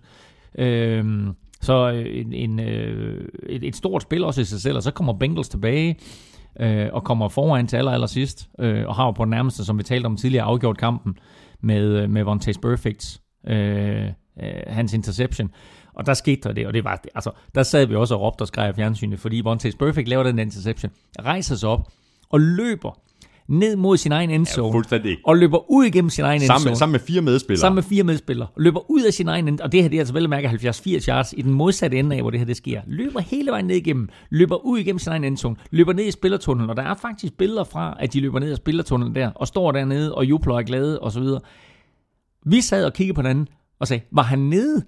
Fordi hvis han ikke er nede, så er det, der, det er en safety. Præcis. Og de er jo kun foran med et point, Bengals. Og hvad var det sidste eller forrige uge, hvor, hvor, vi, hvor vi talte om et, om, om et gammelt øh, spil? Det var øh, Vikings. Ja, ja, Marshall, Jim Marshall, ja. som løb, som laver en, jeg tror det er en fumble, han samler op, og bliver forvirret omkring, hvor han er, og kommer til at løbe den forkerte vej, og løber i sin egen endzone og laver en safety. Ikke? Han ja. tror, han har scoret touchdown. Ikke bare løber han ned i sin egen endzone, han spiker bolden dernede. Ikke? Du, ikke? Hold kammeraterne, de gik sådan på ham. What? What, what, what the fuck, man? det her, det var det samme. Vi sad og kiggede på hinanden. Nej, nej, nej, er han nede? Er han ja, nede? Det var så ret tydeligt, at han var nede. Ikke? Det var, men, ja, ja. Men, men, det er jo mærkeligt noget at gøre. Nej, altså. var det vanvittigt, ikke? Altså, tænk sig, hvis nu han ikke er været nede. øhm, men, øh, men ja, altså, øh, så en, en vidunderlig fodboldkamp, øh, som indeholdt alt det bedste, en fodboldkamp skal indeholde, og så desværre slutter på, på den der tåbelige måde for Bengals. Det her det var så endnu en uh, one and done til Bengals i uh, slutspillet. De andre gange har det været på grund af Andy Dalton. Det har i hvert fald været historien, som man, mm. altså, man har sådan ligesom hængt det op på Andy Dalton. Andy Dalton, du kan ikke, uh, du kan ikke vinde en playoff-kamp for Bengals. Den her gang er det så også hængt op på Andy Dalton. Det var fordi, vi ikke havde Andy Dalton som quarterback, at vi tabte, at det blev one and done. Øh, og der har jeg kun én ting at sige, og det er BS. Fordi AJ McCarron spillede en helt igennem fornuftig kamp, og ja, øh, det er klart, der havde været nogle andre plays til rådighed, og øh, måske en anden form for lederskab til rådighed, hvis Andy Dalton havde været derinde. Øh, og når det så er sagt omkring Andy Dalton, så hænger du Andy Dalton op på de sidste 4-5 år, hvor, hvor Bengals har været i slutspillet. Det er trods alt 25 år siden, at de har vundet en slutspilskamp, så der har været en hel del quarterbacks inden Andy Dalton, så de har en eller anden form for øh, playoff-krise. Men jeg synes, AJ McCarron gjorde det fornuftigt. Han fører dem tilbage. Han, øh, altså, de, de er der. Han spiller vel et godt quarter, ikke? Fjerde quarter. Jeg synes, han spiller en god anden halvleg. Øh, men du har ret. Altså, selvfølgelig, selvfølgelig er, er hans bedste quarter i kampen, det er fjerde quarter. Men han har Bengals der, hvor han skal have dem, nemlig foran med bolden i hænderne. Så fumbler Jeremy Hill, og så laver de der to forsvarsspillere de der to fejl, og så taber Bengals bolden. Jeg kunne godt, jeg godt tænke mig at spole, ja. spole lidt tilbage, Eller Claus, til- til, til til, da de kommer foran. Mm. Øh, så går de efter en two-point conversion. Hvorfor udnytter de ikke et af de største red zone targets i ligaen, Tyler Eifert? Men det kaster en, en, lateral til, til Jeremy Hill, og dø, spillet er mere eller mindre dødt, før det overhovedet mm. bliver sat i gang. Mm. Altså, jeg, jeg, jeg synes, altså, også da det skete, altså, det var sådan, hvad laver I? Ja. Så udnyt dog Tyler Eifert. Ja. Øh, Jeg ved godt, det virker som sådan noget bagspejls øh, noget, men, men but still. Øh, men, altså, der er, mange, der, der er et lille aspekt i det der, som jeg gerne vil fremhæve, og det er, at det statistisk set er mere succesfuldt, eller har større chance for at give succes, hvis du løber bolden, end hvis du kaster den. Og derfor så øh, er jeg sikker på, at Bengals jo selvfølgelig følte, at de med det spil, de kaldte til Jeremy Hill, havde en større chance for at få den ind. Øh, og der er ingen tvivl om, at Steelers forsvar har holdt øje med Tyler Eifert øh, og AJ Green. Øh, nej, i øvrigt mener jeg faktisk, at AJ Green måske ikke engang var inde. Der, jeg læste mig frem til, at han faktisk ikke var inde på den der afgørende two-point conversion, hvilket i øvrigt også var fuldstændig mm, vanvittigt. Mm. Øh, så altså, Om ikke andet, så bare for at tage, opmærksom, tage Præcis opmærksomhed. Ikke? præcis jo. Men altså statistisk set, så er der større succes øh, på en two-conversion ved at løbe bolden. Så jeg tror også, at jeg vil have løbet bolden. Øh, jeg mener, det var Texans, eller undskyld, Chiefs, som øh, havde en, eller var det, hvem pokker var det? Var det, var det Chiefs? Eller var det, øh, skal lige tænke mig om, som kørte en, en, en two-point conversion, hvor de stillede op med fire receiver i en side, og en receiver i den anden side, og så sagde jeg bare, så, sagde jeg til drengene, at det er en quarterback sneak, eller quarterback draw, øh, og ganske, ganske rigtigt. Jeg tror, det er Alex Smith, ikke, som, som får den tilbage i quarterback draw, eller får den tilbage i shotgun, og så løber ind på en two-point conversion. Øh, eller, eller, var det, eller også var det, var det Aaron Rodgers. Det var en af de to i hvert fald. Det er også, det er også lige meget, men altså, du, altså, prøv på at gøre et eller andet, så der bliver plads til løbbolden. Og øh, det synes jeg faktisk ikke, Bengals gjorde. Hvis de ønsker at løbe bolden, jamen, så prøv at, at, at, lave lidt plads til at løbe bolden på. Og det synes jeg faktisk ikke, de gjorde for Jeremy Hill. Steelers, de øh, spillede jo uden øh, D'Angelo Williams, øh, Fitzgerald Toussaint og Jordan Totman. Han, øh, de gjorde det øh, udmærket med øh, 183 yards til sammen. Øh, og det er vel værd at tage med for Steelers. Altså, først mister de Le'Veon Bell, mm. Så mister de D'Angelo Williams, mm. og nu er de altså de er langt nede i kæden, ikke? Mm. Men de så jo, øh, de så jo relativt øh, fornuftige ud, de her to, øh, to fyre. Ja. Øhm, Især, især Toussaint, som også var god øh, i, i, i, ka- i kastespil. ja. Du klar? Ja, kom med det. Godt klar. Du har forberedt et eller andet. Nej, men du, var- der, der fik du mig. Nå. Øhm, Raiders har en ung quarterback og en ung receiver, som vi har omtalt tidligere, der bare bliver kaldt til sammen ACDC. ACDC. ACDC har lavet nummeret. Cause I'm... Cause I'm... TNT. I'm dynamite. Og de to spillere, du nævnte, bliver bare kaldt nu for TNT. TNT. Toussaint and Totman. TNT. Og som de skrev i øh, de lokale medier, så var det en explosive performance af TNT. Mm. Fordi de to spillere til sammen havde 183 yards. Toussaint, han løb bolden 17 gange for 58 yards. Han greb fire bolde oveni for 60 yards. Så var en stor del mm. af det her korte kastangreb, hvor øh, så snart en, en running back har bolden i hænderne, jamen, altså, så øh, er der nogle gange plads omkring ham, og nogle gange er der ikke. Men han fik altså 60 yards på fire, for, på, øh, fire grebne bolde. Og Totman, han tilføjede altså 11 løb for 65 yards, øh, og havde et enkelt stort løb på, på 25 yards eller deromkring. Og de to spillere havde til sammen 183 yards. Og det tror jeg simpelthen ikke, at D'Angelo Williams havde haft alene. Så den duo, der kom ind og afløste Angelo Williams, gjorde det faktisk rigtig, rigtig godt. Mm. Og det var en lille bitte smule overraskende, tror jeg, for mange, inklusive Bengals. Øh, og sikkert også for mange Steelers-fans. Øh, som jo sikkert sagde, nej, nej, nej, nej, hvad gør vi? Altså først leverer en Bell skadet, og så er det Angelo Williams skadet, hvad gør vi? Så kommer de der to unge knægte ind, og gjorde det altså rigtig, rigtig godt. Mm. Og Steelers, de øh, spiller ude mod Broncos søndag aften, og lad os lige spole tiden tre år tilbage. Shotgun for Tim Tebow. Short motion Eddie Royal. Tim play fakes in the pocket, sets, throws, pass caught. Demarius Thomas out over the 45 midfield. Here we go. 40, 35 foot race, 20, 15, 10, touchdown. Denver is over. It's over in Denver.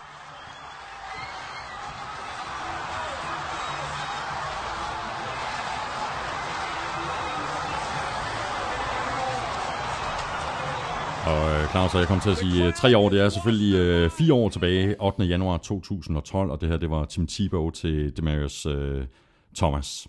Og den første kamp i NFL's historie, der blev afgjort efter de nye slutspilsregler. Øh, første play var det jo i overtime, mm. hvor øh, Tim Tebow laver det største spil i øh, sin i godsøjne glorværdige karriere. Æh, Efter og, en hel sæson, hvor han dybest set ikke rigtig har kunne få noget til at fungere sådan specielt godt, ikke? Ja, det passer jo faktisk ikke, fordi han, det var faktisk ham, der vendte hele øh, Broncos sæson om det år jo. Øh, de var forfærdeligt kørende, og så vandt han jo den ene kamp efter den anden med, med, ja, de, de, med, sådan med, med, med Tebow Magic. Ja, ja, det er ikke? Altså, ja. Men jo på forfærdelig vis, altså det, det grimmeste fodbold, der til dato er spillet i NFL. Øh, men altså, han havde noget magi omkring sig, han havde en aura omkring sig, der gjorde sig, at de altid troede på, at de kunne vinde, vinde og vende nogle kampe, og det gjorde de hele sæsonen igennem, inklusiv den her mod Steelers, hvor de aldrig nogensinde skulle være i nærheden af en sejr. Mm. Kampen går i overtid, og så kaster han det der kast til Demarius Thomas, og det interessante det er, at siden der er Demarius Thomas er blevet en, en, en stor stjerne, selvom han har haft en elendig sæson i år. Øh, men jeg kan huske, at jeg, jeg kendte ham ikke på det tidspunkt. Han var så stor, kan jeg huske, jeg så ham og tænkte, at han var tight end. Øh, og så løber han jo 80 yards til, til touchdown. Øh, og tænkte, hold kæft, man, det der er en øh, kæmpe spiller, eller øh, en hurtig tight end, det der, ikke? Det viser sig, at øh, han selvfølgelig bare var en, en, en stor receiver, om man vil, men har jo siden været en virkelig, virkelig markant spiller, og fik jo enorm succes, øh, da Peyton Manning kom til klubben, og overtog quarterback-været fra, fra Tim Tebow. Men altså, det er sidste gang, de tager to klubber, de mødtes i slutspillet, og det blev altså med en, en Broncos sejr i overtid. Mm. Og hvordan tror du, det går øh, nu her i weekenden? Det er meget afhænger af, af Roethlisberger, ikke? Altså, det, vi har sagt det før, ikke? Altså, det her, det afhænger af Big Ben. Er Big Ben med, så... Og, og, og kan han spille? Altså, øh, så, så har Steelers en, en god mulighed. Øh, spiller Big Ben ikke, så vinder Broncos uden tvivl. 27-yard attempt. Jeff Lott is the holder. McDermott is the snapper. And the kick is no good! Wow! Go figure. Ja, go figure, Claus. Jeg, jeg er ked af at spille det her klip for dig, men øh, ja, hvordan har du, når du hører det? Altså, det er jo... Øh... Jamen, jeg, jeg, sagde, jeg, jeg, jeg, jeg faldt i trance igen. Altså, jeg, jeg bliver virkelig ked af det. Det bliver Walsh, der, der, der misser det her 27-yard mm. øh, forsøg til aller, aller sidst. Mm. Et spark, som han sætter op imellem stængerne 99 ud af 100 gange. Ja, det interessante er, at han har brændt en del ekstra point i år, men han har faktisk, altså i nogle af de kampe, hvor han har brændt ekstra point, så har han sparket en 55 umiddelbart efter, ikke? Altså, mm. øh, jeg, jeg ved ikke, hvad det er, øh, men han har ikke været særlig stabil på de korte spark. Øh, det vilde af det med Blair Walsh, det er han er den spiller, han den kicker i ligaen, der har sparket flest field goals i år. Ikke? Altså, Øh, så han er, jo, han er jo virkelig, virkelig dygtig kicker, og som han også sagde bagefter, og fuldstændig tårvedet, og man skal gå ind på google.dk og, og se det interview, der ligger derinde med Blair Walsh, som også er blandt de mest set i den her uge her. Øh, der ligger der et, et, et langt, langt interview med ham. Han stillede op i 12 minutter efter kampen, og, og svarede beredvilligt på alle spørgsmål. Og ingen dårlige undskyldninger. Overhovedet ikke. Han tog hele skylden øh, på sin øh, kappe, øh, og stillede op svarede bered, om du kunne se, at du ved, at han var, øh, han var rystet, han var skuffet. Han var ked af det. Svarer på alle de her spørgsmål. Og da reporteren ligesom så mere eller mindre er færdig med ham, så sætter han sig ned på sin plads. Øh, og der har alle spillerne sådan en, en, en cirka en, ja, en lille meter bred øh, locker, som det hedder, ikke? Altså, hvor de har alle deres ting og så videre. Og øh, der sætter han sig bare ned på sin plads og begynder at græde. Han var knust, og han var godt klar over, at han havde 50 øh, holdkammerater der, plus øh, 20 trænere øh, og resten af organisationen og, og millioner og millioner af fans, som han havde skuffet. Mm. Øh, det var så tæt på sensationen for Minnesota Vikings. Altså ikke bare var det tæt på, den var der jo. Øh, at, øh, at det her det var et øh, forsmedeligt nederlag, som vil komme til at nage ham i måneder. Altså måske, ja, måske hele, resten af sin karriere. Lidt afhængig af, hvordan det går resten mm. af karrieren, ikke? Øh, så det her, det var, det, det, gjorde, det gjorde ondt på ham, og det gjorde ondt på alle os, som, som sad og holdt med de lilla. Ja, fordi han, han kunne jo undskylde sig med laces out. Han kunne undskylde sig med vejret. Mm. Men der var ikke nogen dårlig undskyldning. Nå, nej, nej, men altså, prøv at høre, når, når du sparker tre field goals i løbet af kampen, ikke? På, øh, på, jeg tror det var 23, 43, 47, øh, så, altså, så er der ingen grund til at undskylde sig. Og den, den, på, den på 47 var faktisk også med laces out. En lille sjov pointe med hensyn til laces out, det er jo, at to gange på fire spark, der ender bolden altså med at stå sådan, så snørene peger ind mod øh, kickeren. Og, ja, det, det plejer, og det plejer man at sige, det er ikke det er no-go. Det er no-go, og det er selvfølgelig laces in. Mm. Der, hvor, der, altså, og laces, det er snøren. Så snøren på bolden skal pege ud af, dermed det her laces out, øh, og, og hele laces out-terminologien kommer selvfølgelig, øh, eller er blevet populariseret øh, med den her øh, Jim Carrey-film, ikke? Øh, hvad hedder den? Øh, med Ray Finkel. Øh, hvad hedder den? Også Ace Ventura for pokker. Øh, altså, snak om sort klap, der gik ned der, ikke?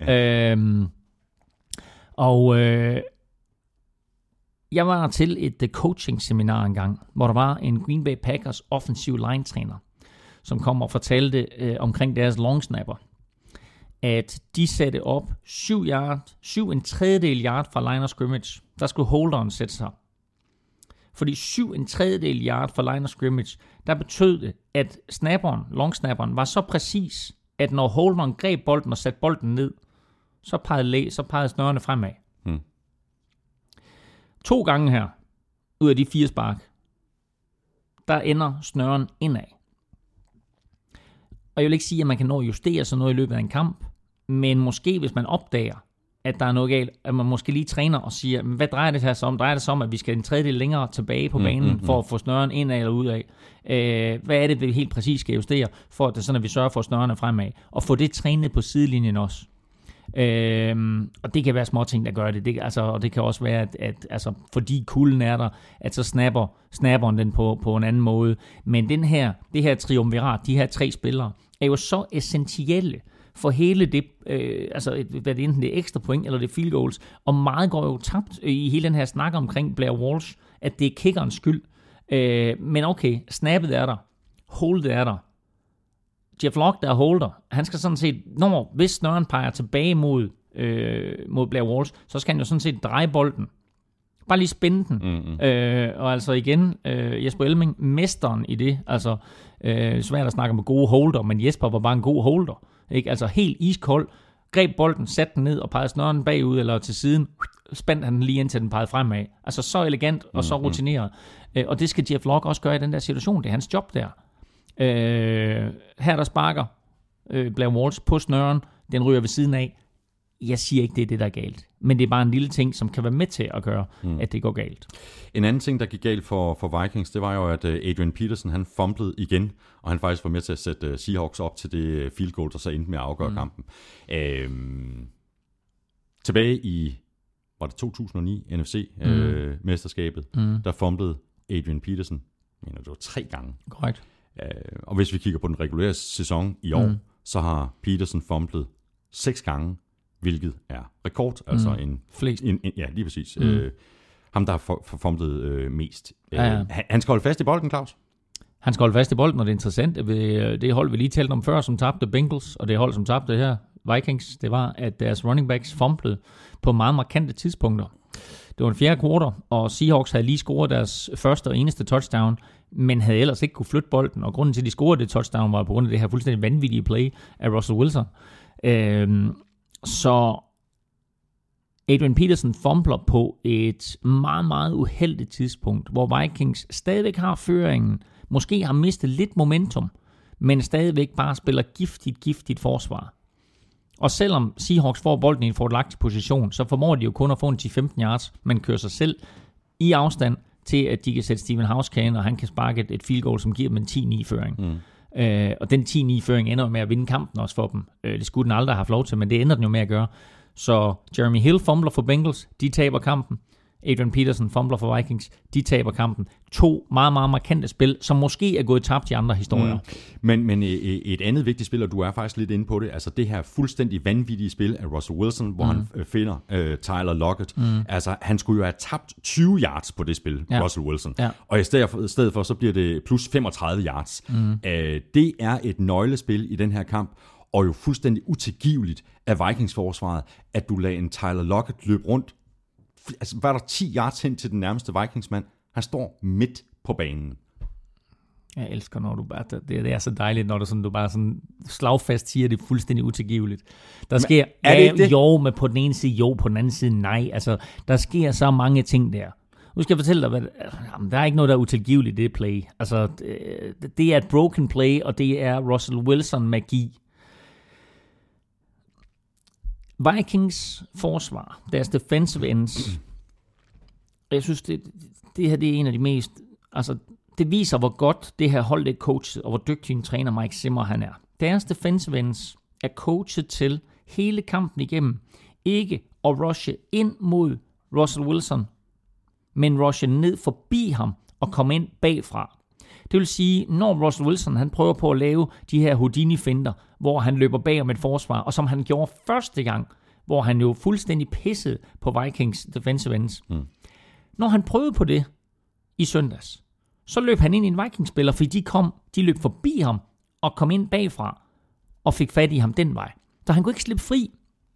Den ene gang i kampen, hvor de tager en forkert vinkel, der kommer Captain Monolin ind fra Wilsons højre side, men i stedet for at løbe imod, hvad skal vi sige, der hvor Russell Wilson kan løbe hen, så løber Captain Monolin imod bolden.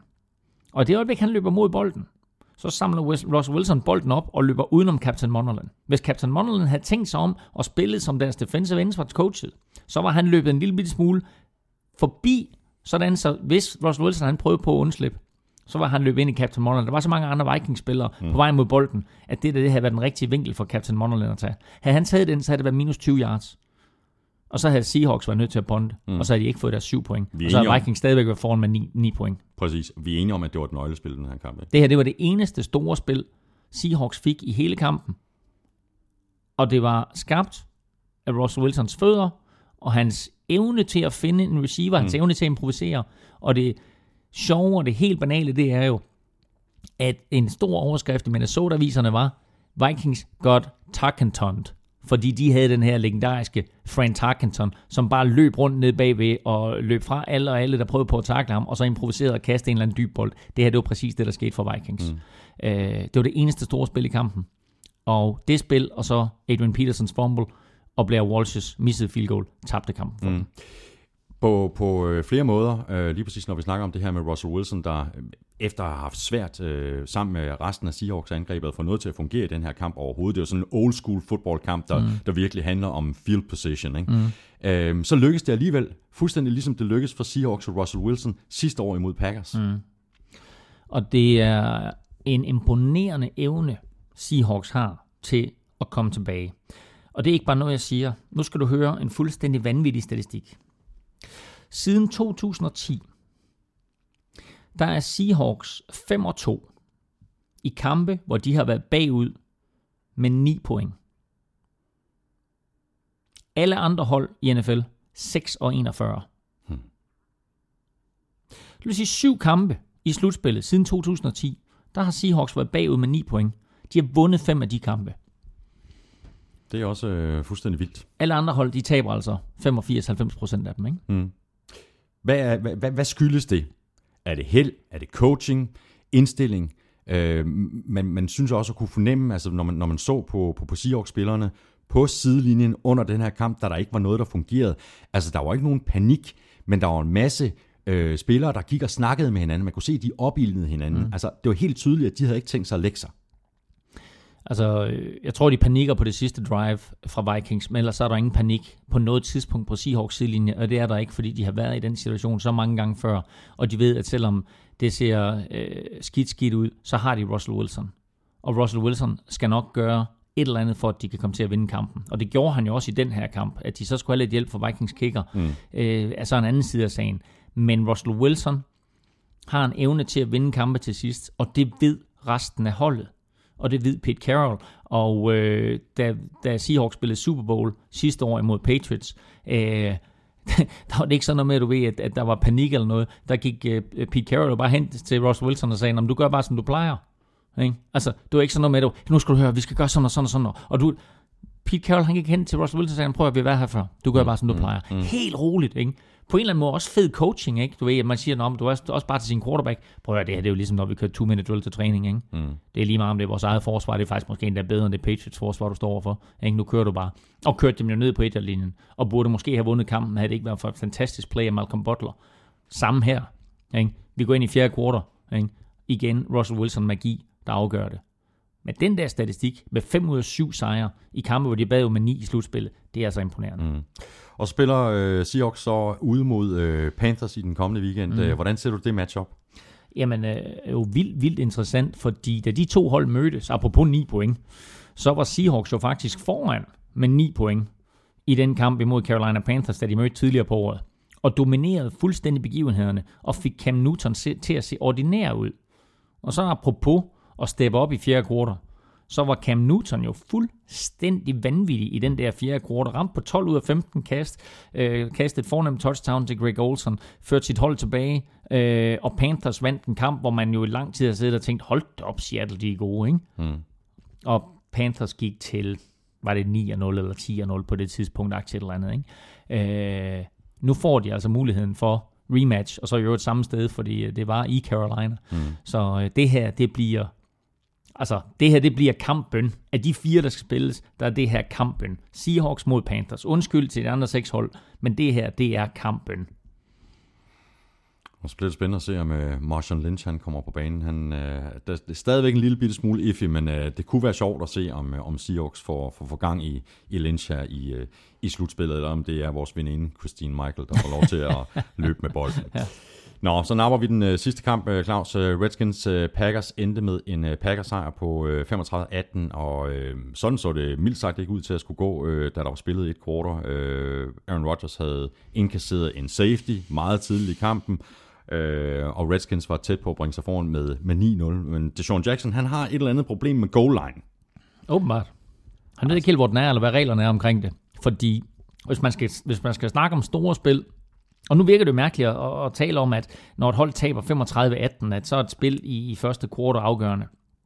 Men det spil i første kvartal, hvor Redskins er foran 2-0 på den safety, du taler om, og øh, Kirk Cousins rammer det Sean Jackson, og det Sean Jackson løber ned øh, og scorer angiveligt touchdown, men replay viser, at øh, han er ude på et linjen taklet af haha Clinton Dix. Han løber igennem endzone, men han rører, han, hans fødder er ikke nede i endzone. Han Præcis. træder out of bounds. Ja.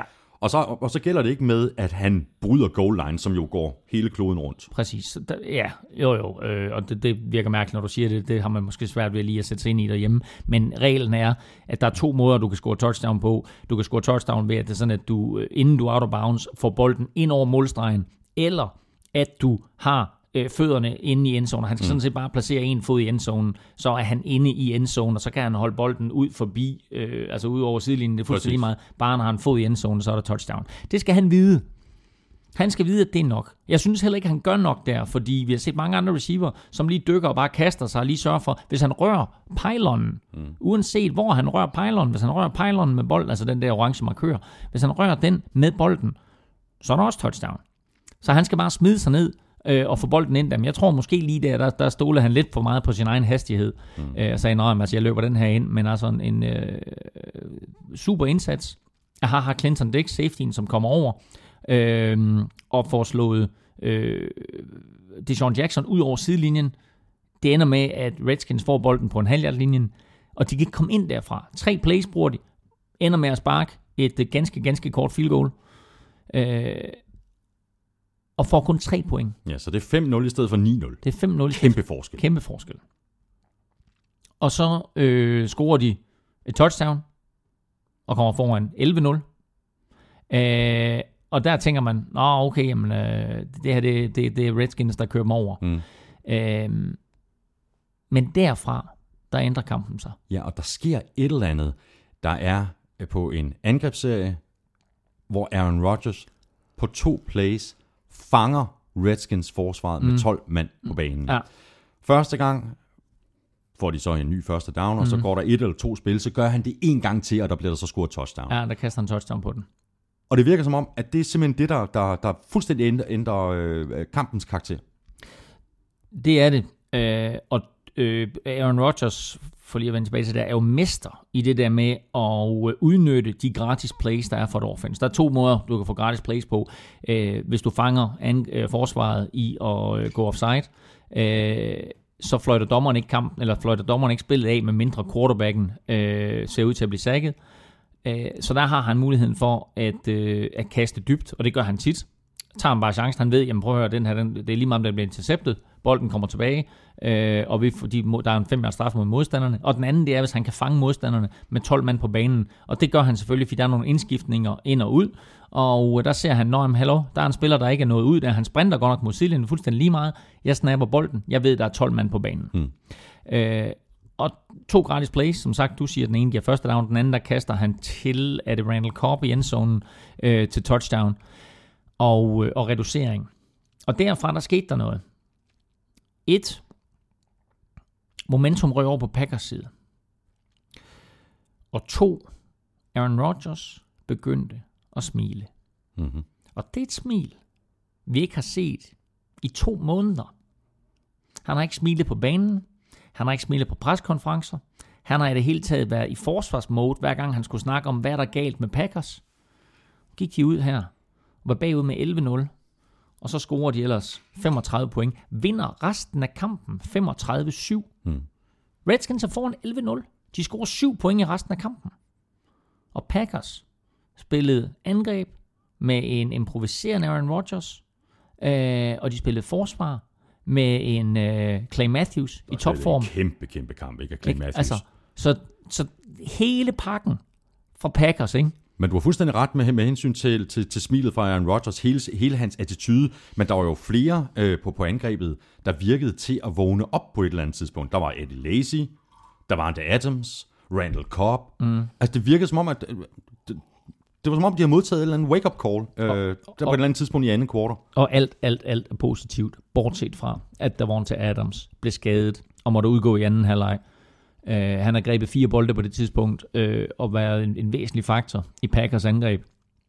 Men han blev skadet, måtte udgå og er med stor sandsynlighed ikke med i weekenden. Og det er altså et alvorligt tab for Packers, som i forvejen er hårdt ramt med, med tabet af Jordan Nelson, som vi har, ta- som vi har talt om.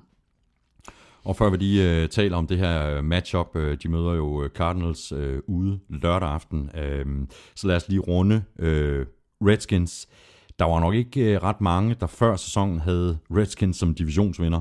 Øh, vi havde i hvert fald ikke. Øh, det lignede øh, mere et hold med, med alle mulige problemer med efterdønningerne fra RG3 og ævl og kævl mellem øh, holdejere og, og, og coaches. Betyder det så nu, nu kom Redskins i playoffs, betyder det, at Redskins øh, problemer er overstået? Altså Kirk Cousins ser i hvert fald ud til at være deres quarterback, så, så det ser ud som om, de har et problem mindre i hvert fald. Ja, og det er jo et, det er jo et væsentligt problem at have løst. At du ikke har behov for at gå ud og lede efter en quarterback. Øh, han har vundet nogle kampe for dem. Øh, jeg vil ikke sige, at det var ham, der tabte kampen i weekenden for dem. Øh, han spillede en, en OK-kamp. Øh, han, var, øh, han var sublim i første kvartal. Øh, faldt lidt ud af kampen fra det punkt af, men han er deres quarterback for fremtiden. De skal have noget hjælp på den offensive linje. Øh, de kan godt hister her på, på defense, øh, klare nogle opgraderinger, men generelt synes jeg, at de har rigtig, rigtig mange brækker på plads. Øh, Så her ser vi i virkeligheden et hold, en klub, som er gået fra at være fuldstændig dysfunktionel for to mm. sæsoner siden, mm. til i virkeligheden at være tilbage på sporet. Det er de, og det er de, fordi de netop ikke har den her øh, quarterback-kontrovers. Øh, RG3 øh, så man øh, være øh, i træningstøj på sidelinjen, og da kampen var slut, desværre med et, et Redskins nederlag til følge, så gik han rundt og krammede øh, holdkammerater, men også alle mulige øh, hjælpere og ledere øh, på holdet. Øh, sågar bolddrengene fik et kram, mm. og der har været øh, diverse billeder ude fra omklædningsrummet, hvor han har pakket øh, hele sit Redskins liv ned i en kasse og taget med sig øh, og hængt en eller anden form for plakat op øh, med et budskab til, øh, til alle, der kommer forbi der, omkring at man øh, skal behandle hinanden ordentligt. Mm. Øh, fordi det måske ikke er det, der er sket for ham. Han blev gjort til Søndebuk for mange af de ting, der skete i Redskins, og øh, øh, har fået en hård medfart af pressen efter en sensationel rookie-sæson. Så fik han en hård medfart, øh, og han har sådan set taget det meste af det med oprejst pande. Og nu er han med stor sandsynlighed færdig i Redskins, og så er det Kirk Cousins, der er quarterback, og Jay Gruden, der er træner, og så bliver alt andet bygget op omkring det. Så ja, et hold, som havde enorme PR-mæssige problemer, enorme interne problemer, øh, alle de problemer, man overhovedet kunne forestille sig, er pludselig blevet et hold, på ydersiden i hvert fald ser det ud som om et hold i harmoni, og et hold med en masse brikker på plads, mm. som man kan bygge videre på, og skabe slagkraftigt mandskab, som, øh, som kan være en af de dominerende forser i NFC East fremover. Og vi kommer til at tale mere, mere RG3 øh, lige om lidt, øh, når vi skal til at svare på, på spørgsmål, Claus. Men øh, først så kan vi lige øh, kigge på det her matchup, altså øh, Cardinals-Packers lørdag aften. Mm. Øh, vi har lige snakket om, at, øh, at angrebet fra Packers side så ud til at fungere bedre, end det i hvert fald har, har gjort længe. Aaron Rodgers smilede. Spørgsmålet er bare, om det er, er nok ude i ørkenen. Jeg, ja. kan, jeg kan godt tvivle lidt. Selvfølgelig kan man det, og man skal ikke mere end to uger tilbage, før at øh, Packers de sidst var på besøg derude, og de blev fuldstændig massakreret. Især så øh, havde den offensive linje gigantiske problemer med Calais Campbell og, og resten af, af den defensive front for, øh, for Arizona Cardinals. Øh, Dion Buchanan spillede en fantastisk kamp, en af de mest oversete slash undervurderede spillere i NFL, Dion Buchanan, så, så glæder dig til at se ham i weekenden på, på Cardinals forsvar. Øh, men når det så er sagt, så hvis man ser på kampe i NFL i år, hvor et hold får en anden chance, altså chance nummer to, øh, så er kampene meget, meget tætte, og ofte er det faktisk det hold, der tabte den første kamp, der vinder den anden kamp. Lad mig bare bringe Vikings i spil. De tabte den første kamp til Packers stort. De slår dem i den sidste runde af grundspillet. De tabte den første kamp mod Seahawks stort. De taber med et enkelt point i en kamp, de burde have vundet. Øh, så NFL er sådan en størrelse, hvor øh, hold øh, er rigtig, rigtig dygtige til at justere. Det her, det bliver ikke en blowout på samme måde, som det var for 14 dage siden. Det her, det bliver en tæt kamp, og det bliver en kamp, hvor vi vil se Aaron Rodgers spille væsentligt bedre, end han gjorde i den første kamp. Det bliver stadigvæk en kamp, tror jeg, som Cardinals trækker det længste strå i. Men der er en lille interessant statistik. Og igen, der findes tre typer løgne, ikke? Lies, damn lies, and statistics. And statistics. Præcis. Men sidste gang, Packers var wildcard-hold. Det var i 2010, og der vandt de Super Bowl. Nu har de vundet den første kamp over Redskins. Så kommer kampen imod Cardinals, og så må vi se, hvem Packers så skal op imod i NFC-finalen. Og så tager vi lige øh, en omgang øh, spørgsmål, der er blevet øh, tweetet til øh, snabelag NFL-showet, eller sendt på øh, mail til mail nflshowet.dk. Øhm, og vi talte jo lige om øh, RG3 før. Alex Arndal Petersen spørger, hvad tror I, der kommer til at ske med RG3 og Kaepernick? Texans eller Rams måske? Og begge dele er øh, gode muligheder. Jeg kunne forestille mig, altså, øh, altså begge, begge, begge to, synes jeg jo rent faktisk, er bedre løsninger både for Rams og for Texans, end det de har nu. Øh, det, der skete i, øh, i, i Rams, var jo lidt, at, at Case Keenum der pludselig spillede fornuftigt. Øh, og problemet er lidt, hvis det er sådan, at de så siger, så lad os prøve at satse på ham. De er nødt til at, at satse på en ny quarterback og finde en ny quarterback i Rams, men altså Case Keenum gjorde det trods alt sådan, så der er forhåbning om, at de med det forsvar, de har, kan vinde nogle kampe mm. med Case, Case Keenum som quarterback.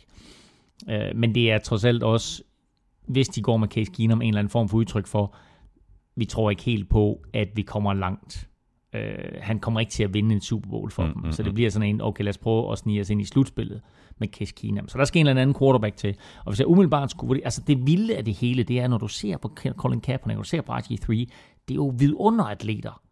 Altså det er jo topatleter. Mm. Du kan ikke nævne en person i Danmark, der er lige så dygtig atlet som nogle af de to.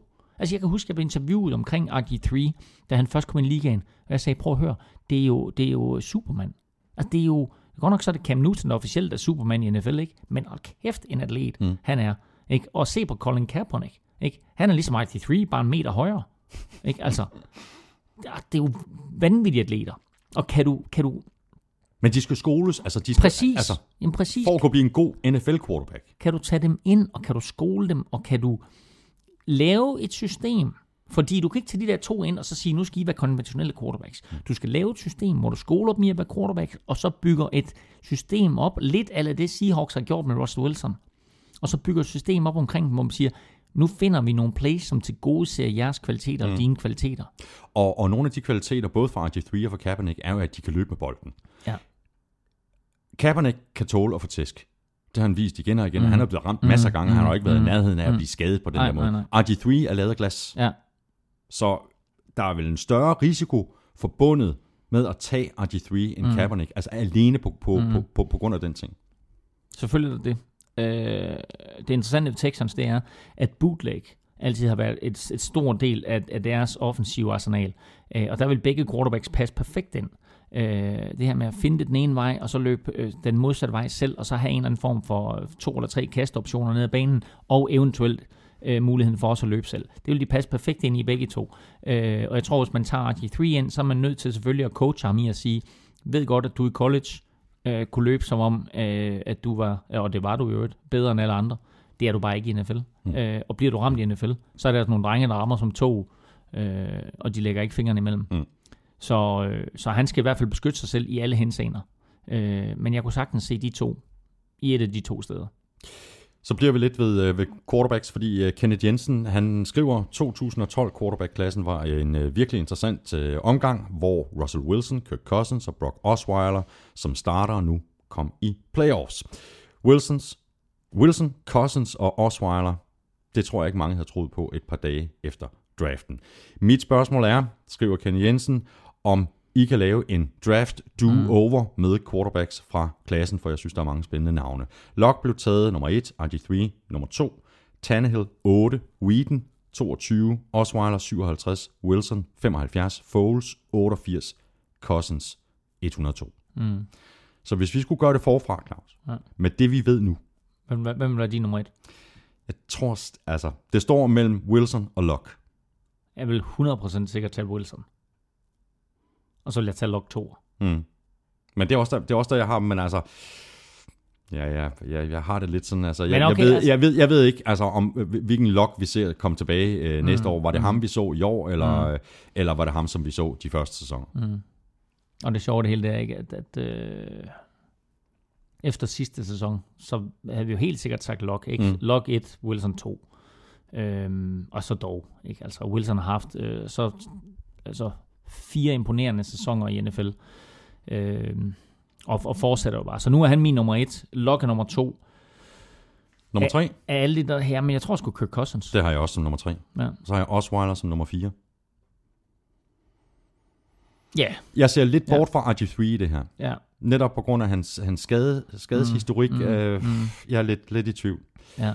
Men altså Wilson, Jamen, Locke, Cousins, Osweiler. ja. Jeg tror, jeg vil tage RG3 før Osweiler. Ja.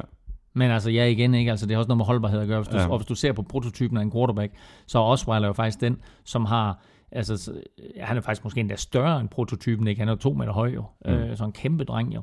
Øh, men altså, han er sådan lidt mere øh, Big Ben-agtigt, øh, som jo har vist sig at have enorm succes i NFL jo. Øh, men, øh, men ja, altså, det er, nok, det er nok noget i den retning der. Ja, og så lukker jeg og slukker lige præcis den her liste med Tannehill og så Foles. Jamen, dem har jeg ikke draftet det er stærkt. Markus J. skriver, hvis Vinatieri stopper i år eller næste år, og Morten Andersen ikke ender i Hall of Fame, er der så større sandsynlighed for, at Adam Vinatieri ender i Hall of Fame før Morten Andersen? Det er meget interessant, det der. Øhm, Adam Vinatieri har det faktum, at han har vundet tre Super Bowls. øh, Morten Andersen har vundet 0. Øh, men Morten Andersen er i finalen i år. Han er blandt de sidste 15. Der blev udvalgt maksimalt 6 af de 15 til at komme i NFL's Hall of Fame. Brett Favre er blandt de 15. Han er selvskrevet. Der er ikke så mange ud over det, der er selvskrevet.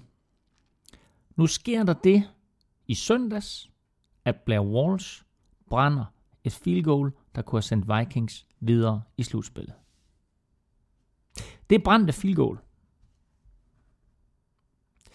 Det viser, hvor vigtig kickerpositionen er. Og hvor vigtigt det er at have en kicker, man kan stole på. Og da Morten Andersen han kom ind i ligaen, der ændrede han hele synet på, hvornår brugte man en kicker. Det faktum, at Bear Walsh han brændte i søndags, tror jeg gør, at der er fokus på Morten Andersen nu her i forbindelse med Hall of Fame. Mm. Der var fokus på ham i forvejen, men det bliver bare ekstra markant nu, fordi der allerede er øh, lavet nærmest det hele dokument med alle de ting, han fører NFL i, og alle de væsentlige ting, han var med til at indføre i NFL, og, og den måde, han var med til at ændre synet på kicker på. Og det der faktum med i søndags, det gør bare, at jeg tror, Morten Andersen kommer ind nu. Hvis han ikke kommer ind nu, så har vi en lille udfordring, fordi ja, nu går der selvfølgelig fem år som minimum, og nok også syv eller otte, inden Vinatieri kommer i, øh, eller, eller bliver, øh, får mulighed for at komme i. Øh, men altså, står de der sammen, så er jeg desværre bange for, at Vinatieri på grund af sine mm. tre Super Bowls og bare sit navn, mm. øh, har en større chance for at komme i. Jens Aarup spørger, øh, hvor tror I Matt Forte og Calvin Johnson ryger hen efter denne sæson? Spørgsmålet er, om Calvin Johnson overhovedet fortsætter. Mm. Altså han har meldt ud, Calvin Johnson, og han overvejer sin fremtid. Mm. Øh, det ville være, synes jeg, ærgerligt, hvis, hvis han vælger at stoppe nu, men altså... I hvert fald det med det der catch, han sluttede af med, ikke? Hold da op, du ikke? Altså, og viser bare, at han stadigvæk mm. er en top 5 receiver. Øh, en top 5 liste, der naturligvis indeholder en 8-10 navne, ikke? Præcis. Øh, Matt Forte, her er en lille sjov ting. Hvilket hold mangler i den grad en running back? Og har en quarterback, der er pissegod. Ej, kommende pissegod. Er, er, er rimelig god. er det i hvert fald ikke for den Niners, du taler om? Jacksonville Jaguars. Ja. Prøv lige at forestille dig, at de fik Matt Forte. Ikke? De har det hele. Ja, det de har har to de. kanon receiver, ja. de har en tight end, så får de Matt Forte, og de har Blake Bortles. De får et godt forsvar, formodentlig i gåsøjne, måske forhåbentlig til næste år. Altså, ja, det var det, de manglede i år, ikke? Jo, jo, Sådan for men de får Dante Fowler tilbage, og de Ja. ja. har et højt draft pick. Ja. Altså, jeg kunne bare godt se Matt Forte passe ind i Jacksonville. Ja, men jeg giver dig fuldstændig ret. Ja. Calvin Johnson, han passer ind på alle hold. Og sådan er det. Jamen, det jamen, altså undskyld, det mener jeg. Mm, Ikke? mm. Du kan ikke sende Calvin Johnson noget sted hen i NFL, hvor han ikke kommer til at starte. Men hvis han fortsætter, bliver han så ikke hængende i Lions? Det håber jeg, fordi jeg har brugt en formue på at købe den skide trøje til min nevø. Åh, oh, ja, ja, ja, hvor sjovt. Nå, tak, skal jeg lige tak, se. tak skal du have. Det, Ja, ja, ja, det, det, det mente du virkelig, det der. Ja, det gjorde jeg. Ja, ja. Nå, så har vi et uh, spørgsmål her fra Martin Brandstrup, øh, der skriver, jeg har et rent teknisk spørgsmål omkring reglerne vedrørende challenge. Jeg ved, at man ikke kan challenge en straf, men kan dommeren kalde en straf på baggrund af en challenge om noget andet? Et eksempel. En spiller taber bolden umiddelbart ved en tackling, men bliver kaldt down by contact. Du behøver slet ikke at stille svaret er nej. Altså, det, er fuld, det er fuldstændig lige meget, hvad eksemplet er. Altså, der er ingenting, hvor du kan gå ind efterfølgende og sige, at der var en straf på. Det eneste, du kan gøre, det er, at du kan ændre en penalty. Og så siger du, det kan man da ikke. Jo, det kan man faktisk, fordi hvis der for eksempel er dømt pass interference, og så det viser sig på replay bagefter, at bolden blev tippet af en anden spiller, så kan du faktisk gå ind og ændre den pass interference kald.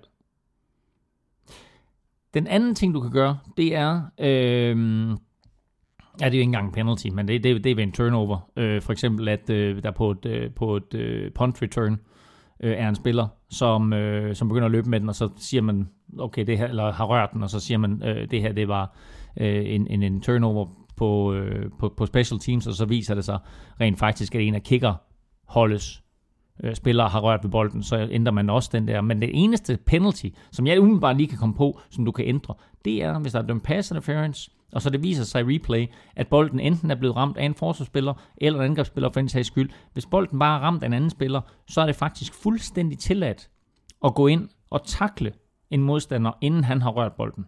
Så snart bolden er rørt en gang, så er alle taklinger tilladt.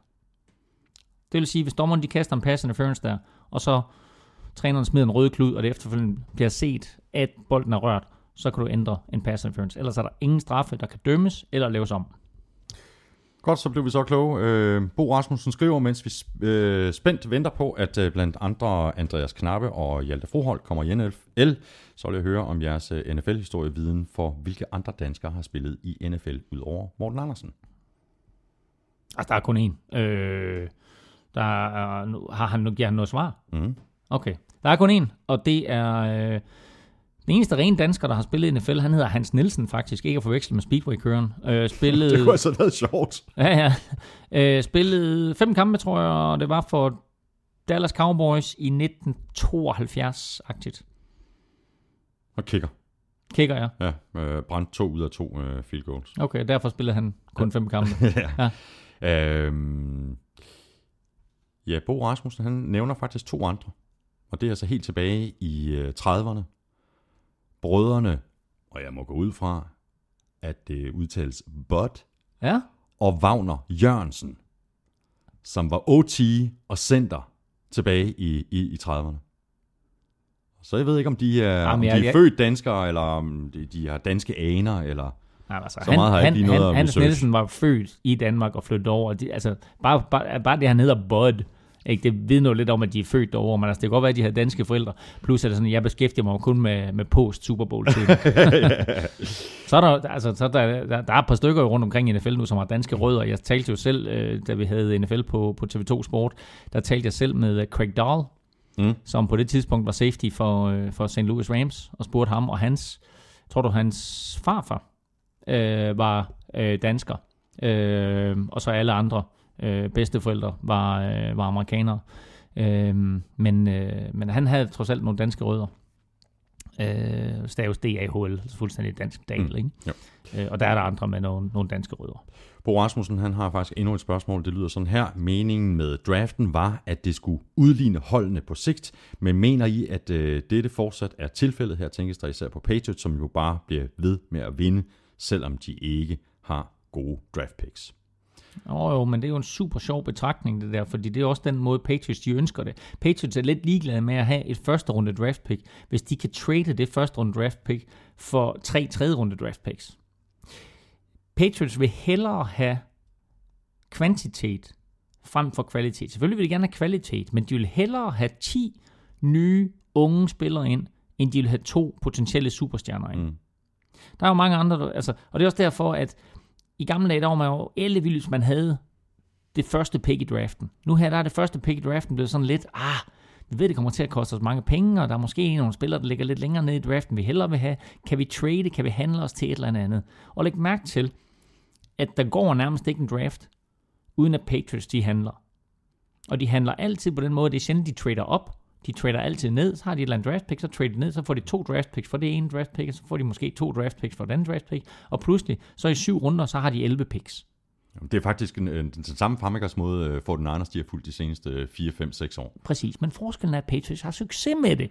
Men 49ers havde succes med det, indtil de fuckede sig selv.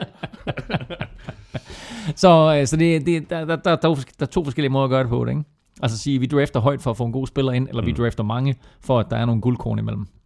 Så har vi et lille hængeparti, øh, Claus, fra, øh, fra sidste uge, øh, fordi der havde vi et spørgsmål fra Mads Refsgaard, der bad om, at vi lavede to top 5'er mm. øh, over, altså en top 5 på defensive spillere, der spiller lige nu, Mm. med størst chance for at komme i Hall of Fame, mm. og så det samme øh, for, for, for offensive spillere. Mm.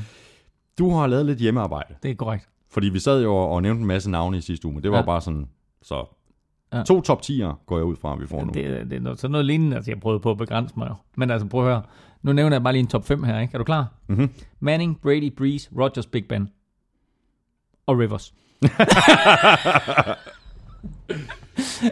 Hvor er det seks quarterbacks. De seks, de kommer alle sammen i. Manning, vil jeg mærke med, med fornavnet Peyton. Mhm.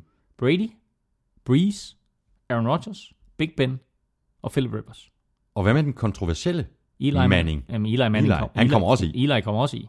Nå, To Super Bowls, ikke? jo. Ja. Nå, så har du Jason Witten, Adrian Peterson, Antonio Gates, Larry Fitzgerald og Steve Smith. Ja. Skal vi prøve at barbere det ned til en top 5? Nej, men det var... Det kan Ja, men skal vi skal prøve at sige, hvilke... Jamen, Ja, Okay, så Manning og Brady ja. og Breeze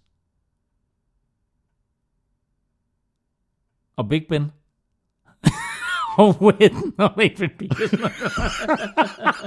Det kan vi ikke. Vi kan ikke lave en top 5. Jamen, altså, okay, okay de, de, fem, de fem bedste af dem, vi har her. Manning, Brady, Jason Witten, Big Ben, Adrian Peterson. Men Adrian, men okay, og- okay, og- jamen, og Philip Rivers. Okay, så lad os lige sige, lad os sige, okay, Adrian Peterson kommer ikke i, på grund af den kontrovers, han havde med, øh, med den her øh, dom og det her med, øh, Ja, med hans søn og... Præcis. Ja. Så lad os tage ham væk, og så lad os sige, så kommer øh, Larry Fitzgerald i. Ja. Men de kommer jo alle sammen i de her navne. De kommer Altså, i. Nå, det var, det var angrebet. Så, Det var kommer, angrebet. så kommer forsvaret. 1, 2, 3, 4, 5, 6, 7, 8, 9, 12, 13, Det- 14. Det er en klassisk top 5. 14 spillere har jeg her. Ja, kom. Charles Woodson, Yes. J.J. Watt. Yes. Okay, nu nævner jeg bare resten. Mhm. Men de to er 100% sikkert. Daryl Reeves, Vince Wilfork, Terrell Suggs, Julius Peppers, Dwight Freeney, og så har jeg sat en parentes om de to næste, men det er fordi Dwight Freeney øh, hænger, lidt to, hænger lidt sammen med de her to, Jared Allen og DeMarcus Ware. Mm. De tre store for Legion of Boom, Richard Sherman, Earl Thomas og Cam Chancellor. Og så Luke Kuechly og Thomas Davis. Det er alle sammen gode navne. Skal vi prøve at barbere det ned? Charles Woodson, J.J. Watt, De, de er stensikre. Terrell Suggs, Ja. Vince Wilfork, Også. Altså, jeg synes, det er for tidligt at, at, at sige, at Richard Sherman er sikker på at Ja, komme i Hall of Fame. jo, altså. jo, men altså... Øh, Eksempelvis. ja, ja, okay, godt. Øhm, jamen, så lad, os tage, så lad os tage Julius Peppers. Det, det står enten mellem Daryl Mm, Reeves eller mm, Julius Peppers. Mm. Ikke? Jo.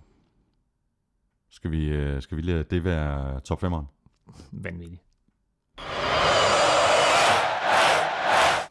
Jamen, øh, det var det. Øh, hvis du også har spørgsmål, så kan du stille dem på mailsnablag.nflshowet.dk eller på øh, Twitter på snablag nflshowet. Lige om lidt, der tager vi et øh, kig på Divisional Round og på, øh, hvordan vi tror, den kommer til at gå. Men først, der skal vi lige omkring øh, oddset på danske spil. Claus, din bud i sidste uge var, og det er jo her, her er det jo vigtigt at huske på, at det er jo her i slutspillet, at du er, at du er rigtig stærk. Øh, super, super stærk. Øh, 1,75 på, at øh, Roethlisberger kastede flest yards. Ja, bortset fra lige Kirk Cousins, han kastede 100. Wow, wow, wow, 100. wow. Det var lørdag. Den gik hjem. Det var kun lørdag. Det var de fire quarterbacks, der spillede lørdag. Så den gik hjem. Are you, are you, are you, are you sure? 100. Der var, der var fire quarterbacks lørdag, og der var fire Prøv lige, quarterbacks så begynd, søndag. prøv lige at vente lige et øjeblik. Og nu skal du høre det sjove det hele, det var, at Big, Big Ben havde 189 yards, da han udgik. Alex Smith havde 190 yards. Ja. Så kommer Big Ben tilbage, tilbage. og jeg sad og sagde, ja tak!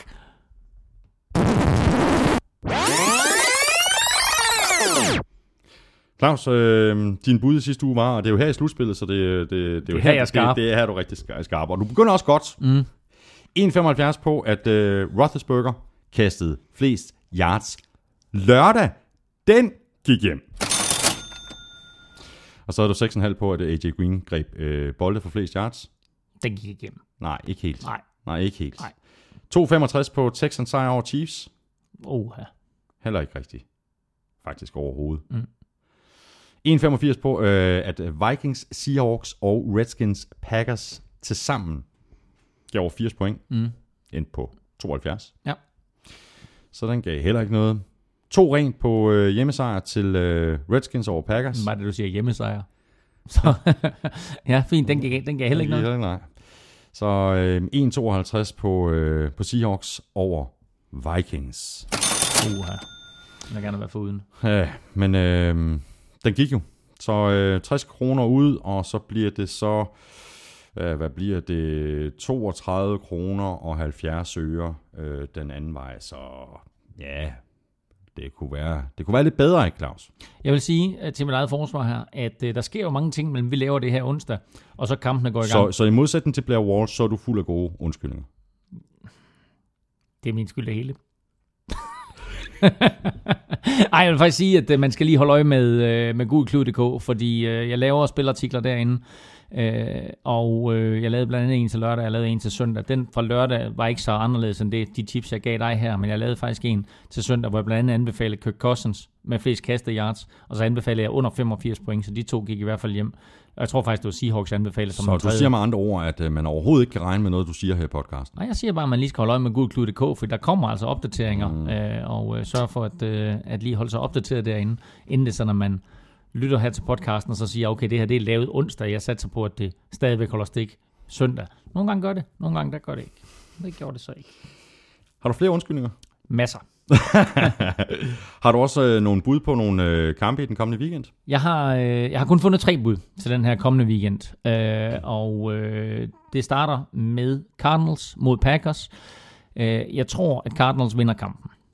Og øh, jeg tror, det bliver væsentligt tættere, end det var sidst, men jeg tror godt, at de kan vinde med fire, og gør de det, så er der 1,67 igen. Øh, og det er vel, er det vel at mærke mere end 4. Men altså vinder de med mere end 4 point, så er der 1,67 igen. Patriots på hjemmebane. Øh, godt nok imod Kansas City Chiefs, men det er Patriots hold, der har haft 14 dage til at blive klar, til at forberede sig. Og det er Belichick, og det er Brady. Og øh, jeg tror bare, at Patriots de vinder den kamp. Og det er der 1,48 for igen, og det synes jeg faktisk er et godt odds Mm. for Patriots på hjemmebane. Og så er der Panthers mod Seahawks. Jeg kunne godt forestille mig, at det faktisk blev en højtskårende kamp. På trods af, at det er to gode forsvar, så tror jeg også, at det bliver en kamp, hvor vi får Cam Newton og Russell Wilson at se i topform. Så hvis de to hold de kan score over 44 point til sammen, så er der 91 igen. Interesting. Ja, så bare sådan noget 27-20 eller 27-23 mm, eller et eller andet den retning der, Mm. øh, giver 91 igen. Sådan, det var øh, tre raske spiltip til den øh, kommende weekend. Jeg burde give dig nogle flere, så jeg kunne komme. Der er også nogle lave odds, det her. Eller skal vi bare øh, spille færre? med nogle- Jeg ved ikke rigtig, Ja, hvad vi skal gøre, fordi der er... Altså, der, hvis, Der- der- vi, der- kan- vi kan også lade være med at spille, så er der en chance for, at jeg kommer igennem sæsonen med 0 jo. Claus, øh, nu skal vi til at vælge kampe. Øh, nej, i nej. Inden vi vælger kampe, så, Åh. lad, så lad os lige få styr på quizzen. Quizzen. ikke? Og spørgsmålet Og så var... vælger vi kampe bagefter. Jeg satte sådan på, at du havde glemt den. Nej. øh, quizzen var, Tom Brady har spillet 29 playoff-kampe. Ja. På lørdag, der tangerer han rekorden i kampen mod Chiefs, når han kommer op på 30. Mm. En spiller har spillet 30 slutspilskampe. Du fik lidt hjælp, og det er, han spiller stadig, og han er ikke i playoffs. Nej. Hvem er han? Øhm, 30, det er jo helt sindssygt. Er det mange? Det er virkelig mange. Øhm, og jeg har været omkring en del navne, faktisk. Mm. Men jeg tror, det er en kicker. Du tror, det er en kicker? Jeg tror, det er en kicker. Ja. Øhm, så kan du godt prøve at, at smile til mig, eller se, ej, ryst på hovedet, eller sådan. Det er ikke en kicker. Du får altså. ikke Jeg- mere hjælp. Adam Vinatieri er mit bud. Adam Vinatieri er et godt bud. Men det er ikke det rigtige bud. Det er det rigtige bud. Ja! Jeg tænkte, øh, og- ah, og- jeg var omkring quarterbacks og alt sådan noget. Jeg Ja. kunne bare ikke komme i tanke om nogen, altså. Men ved du hvad, da vi havde et spørgsmål tidligere med Og det, Adam Vinatieri, Adam, og det var der, hvor jeg tænkte, og jeg så, du skrev Adam Vinatieri ned, så sagde jeg, tænkte, pis. Nå, det er godt. Jeps, øh, nu skal vi så vælge kampe for Divisional Round. Øh, først der skal vi lige have en hurtig status fra Wildcard-runden. Øh, fuldstændig ligesom du er stærk i, i oddset, når det kommer til slutspillet, så er du også benhård, når det kommer til at vælge kampe øh, i lige præcis slutspillet. Du ramte en kamp, Claus. En ud af fire. Mm. Jeg gjorde det ikke meget bedre, men dog trods alt to bedre. To. så nu fører jeg altså med 11. 159. Det er godt. 148. Er der noget med, at Super Bowl ikke gælder 10? Men det kan vi godt sige. Okay, godt. Nå. Patriots Chiefs. Jeg har haft Chiefs stående her på mit stykke Uha da. papir indtil en time før vi begyndte at optage. Ja. Så ændrede jeg det til Patriots. Ja. Og det er simpelthen på grund af, at Chiefs er uden Jeremy Macklin. Ja. Med Det- al det- sandsynlighed. Ja, ja, og, og, og det ændrer selvfølgelig sagerne en lille bit smule, om, om han er med eller ej. Øh, eller det ændrer, det ændrer det markant. Men øh, jeg er nødt til at sige Patriots. Jamen, jeg har, jeg har også Patriots. Cardinals, Packers. Cardinals. Cardinals. Panthers, Seahawks. Panthers. Huha, ikke? Mm. Seahawks. Broncos, Steelers. Broncos. Ja, altså uden Big Ben. Øh, Ja, der er i hvert fald Big Ben Iffy, og uden Antonio Brown. ja, jeg siger Steelers. Det er fantastisk at gå ud her, Claus. Øh, Ej, du hvor jeg, all in. ej, hvor jeg er nødt til at sige, jeg er nødt til at sige, jeg er nødt til at sige det på den her, fordi det er det onsdag, vi laver det her, og du får samme mulighed. Jeg siger, hvis Big Ben, Steeler, hvis Big Ben spiller, så siger jeg Steelers. Hvis Big Ben ikke spiller, så siger jeg Broncos. Den vil jeg trods alt have lov til at have. Den får du alene, fordi jeg siger Broncos uanset Det er i orden. Godt. Tak for det, Elming. Det har været en øh, fornøjelse, fuldstændig ligesom øh, det altid er. Det var godt, der ikke var 16 kampe i den her. Følg Claus på Twitter på snabelag NFLming, så er der mig selv, øh, sagde hunden. Mig kan du følge på snabelag Thomas Kvartrup. Og hu- husk, di, husk, husk din mors NFL-showet kan du følge på snabelag NFL-showet. Der kan du også komme i kontakt med os og stille spørgsmål, ligesom du selvfølgelig også kan gøre det på mail snabelag nflshowet.dk. NFL-showet er produceret af Kvartrup Media, der også producerer Born Unplugged, podcasten om dansk politik. Du kan lytte til NFL-showet i SoundCloud på nflshowet.dk og på gultud.dk, og selvfølgelig iTunes, hvor du bare skal trykke på abonner, og så lander der helt automatisk et nyt afsnit hver eneste uge. Hele sæsonen, kvidt og frit. Vi er tilbage igen næste uge. Ha' en kanon weekend med fire monsterkampe. Hot Hots.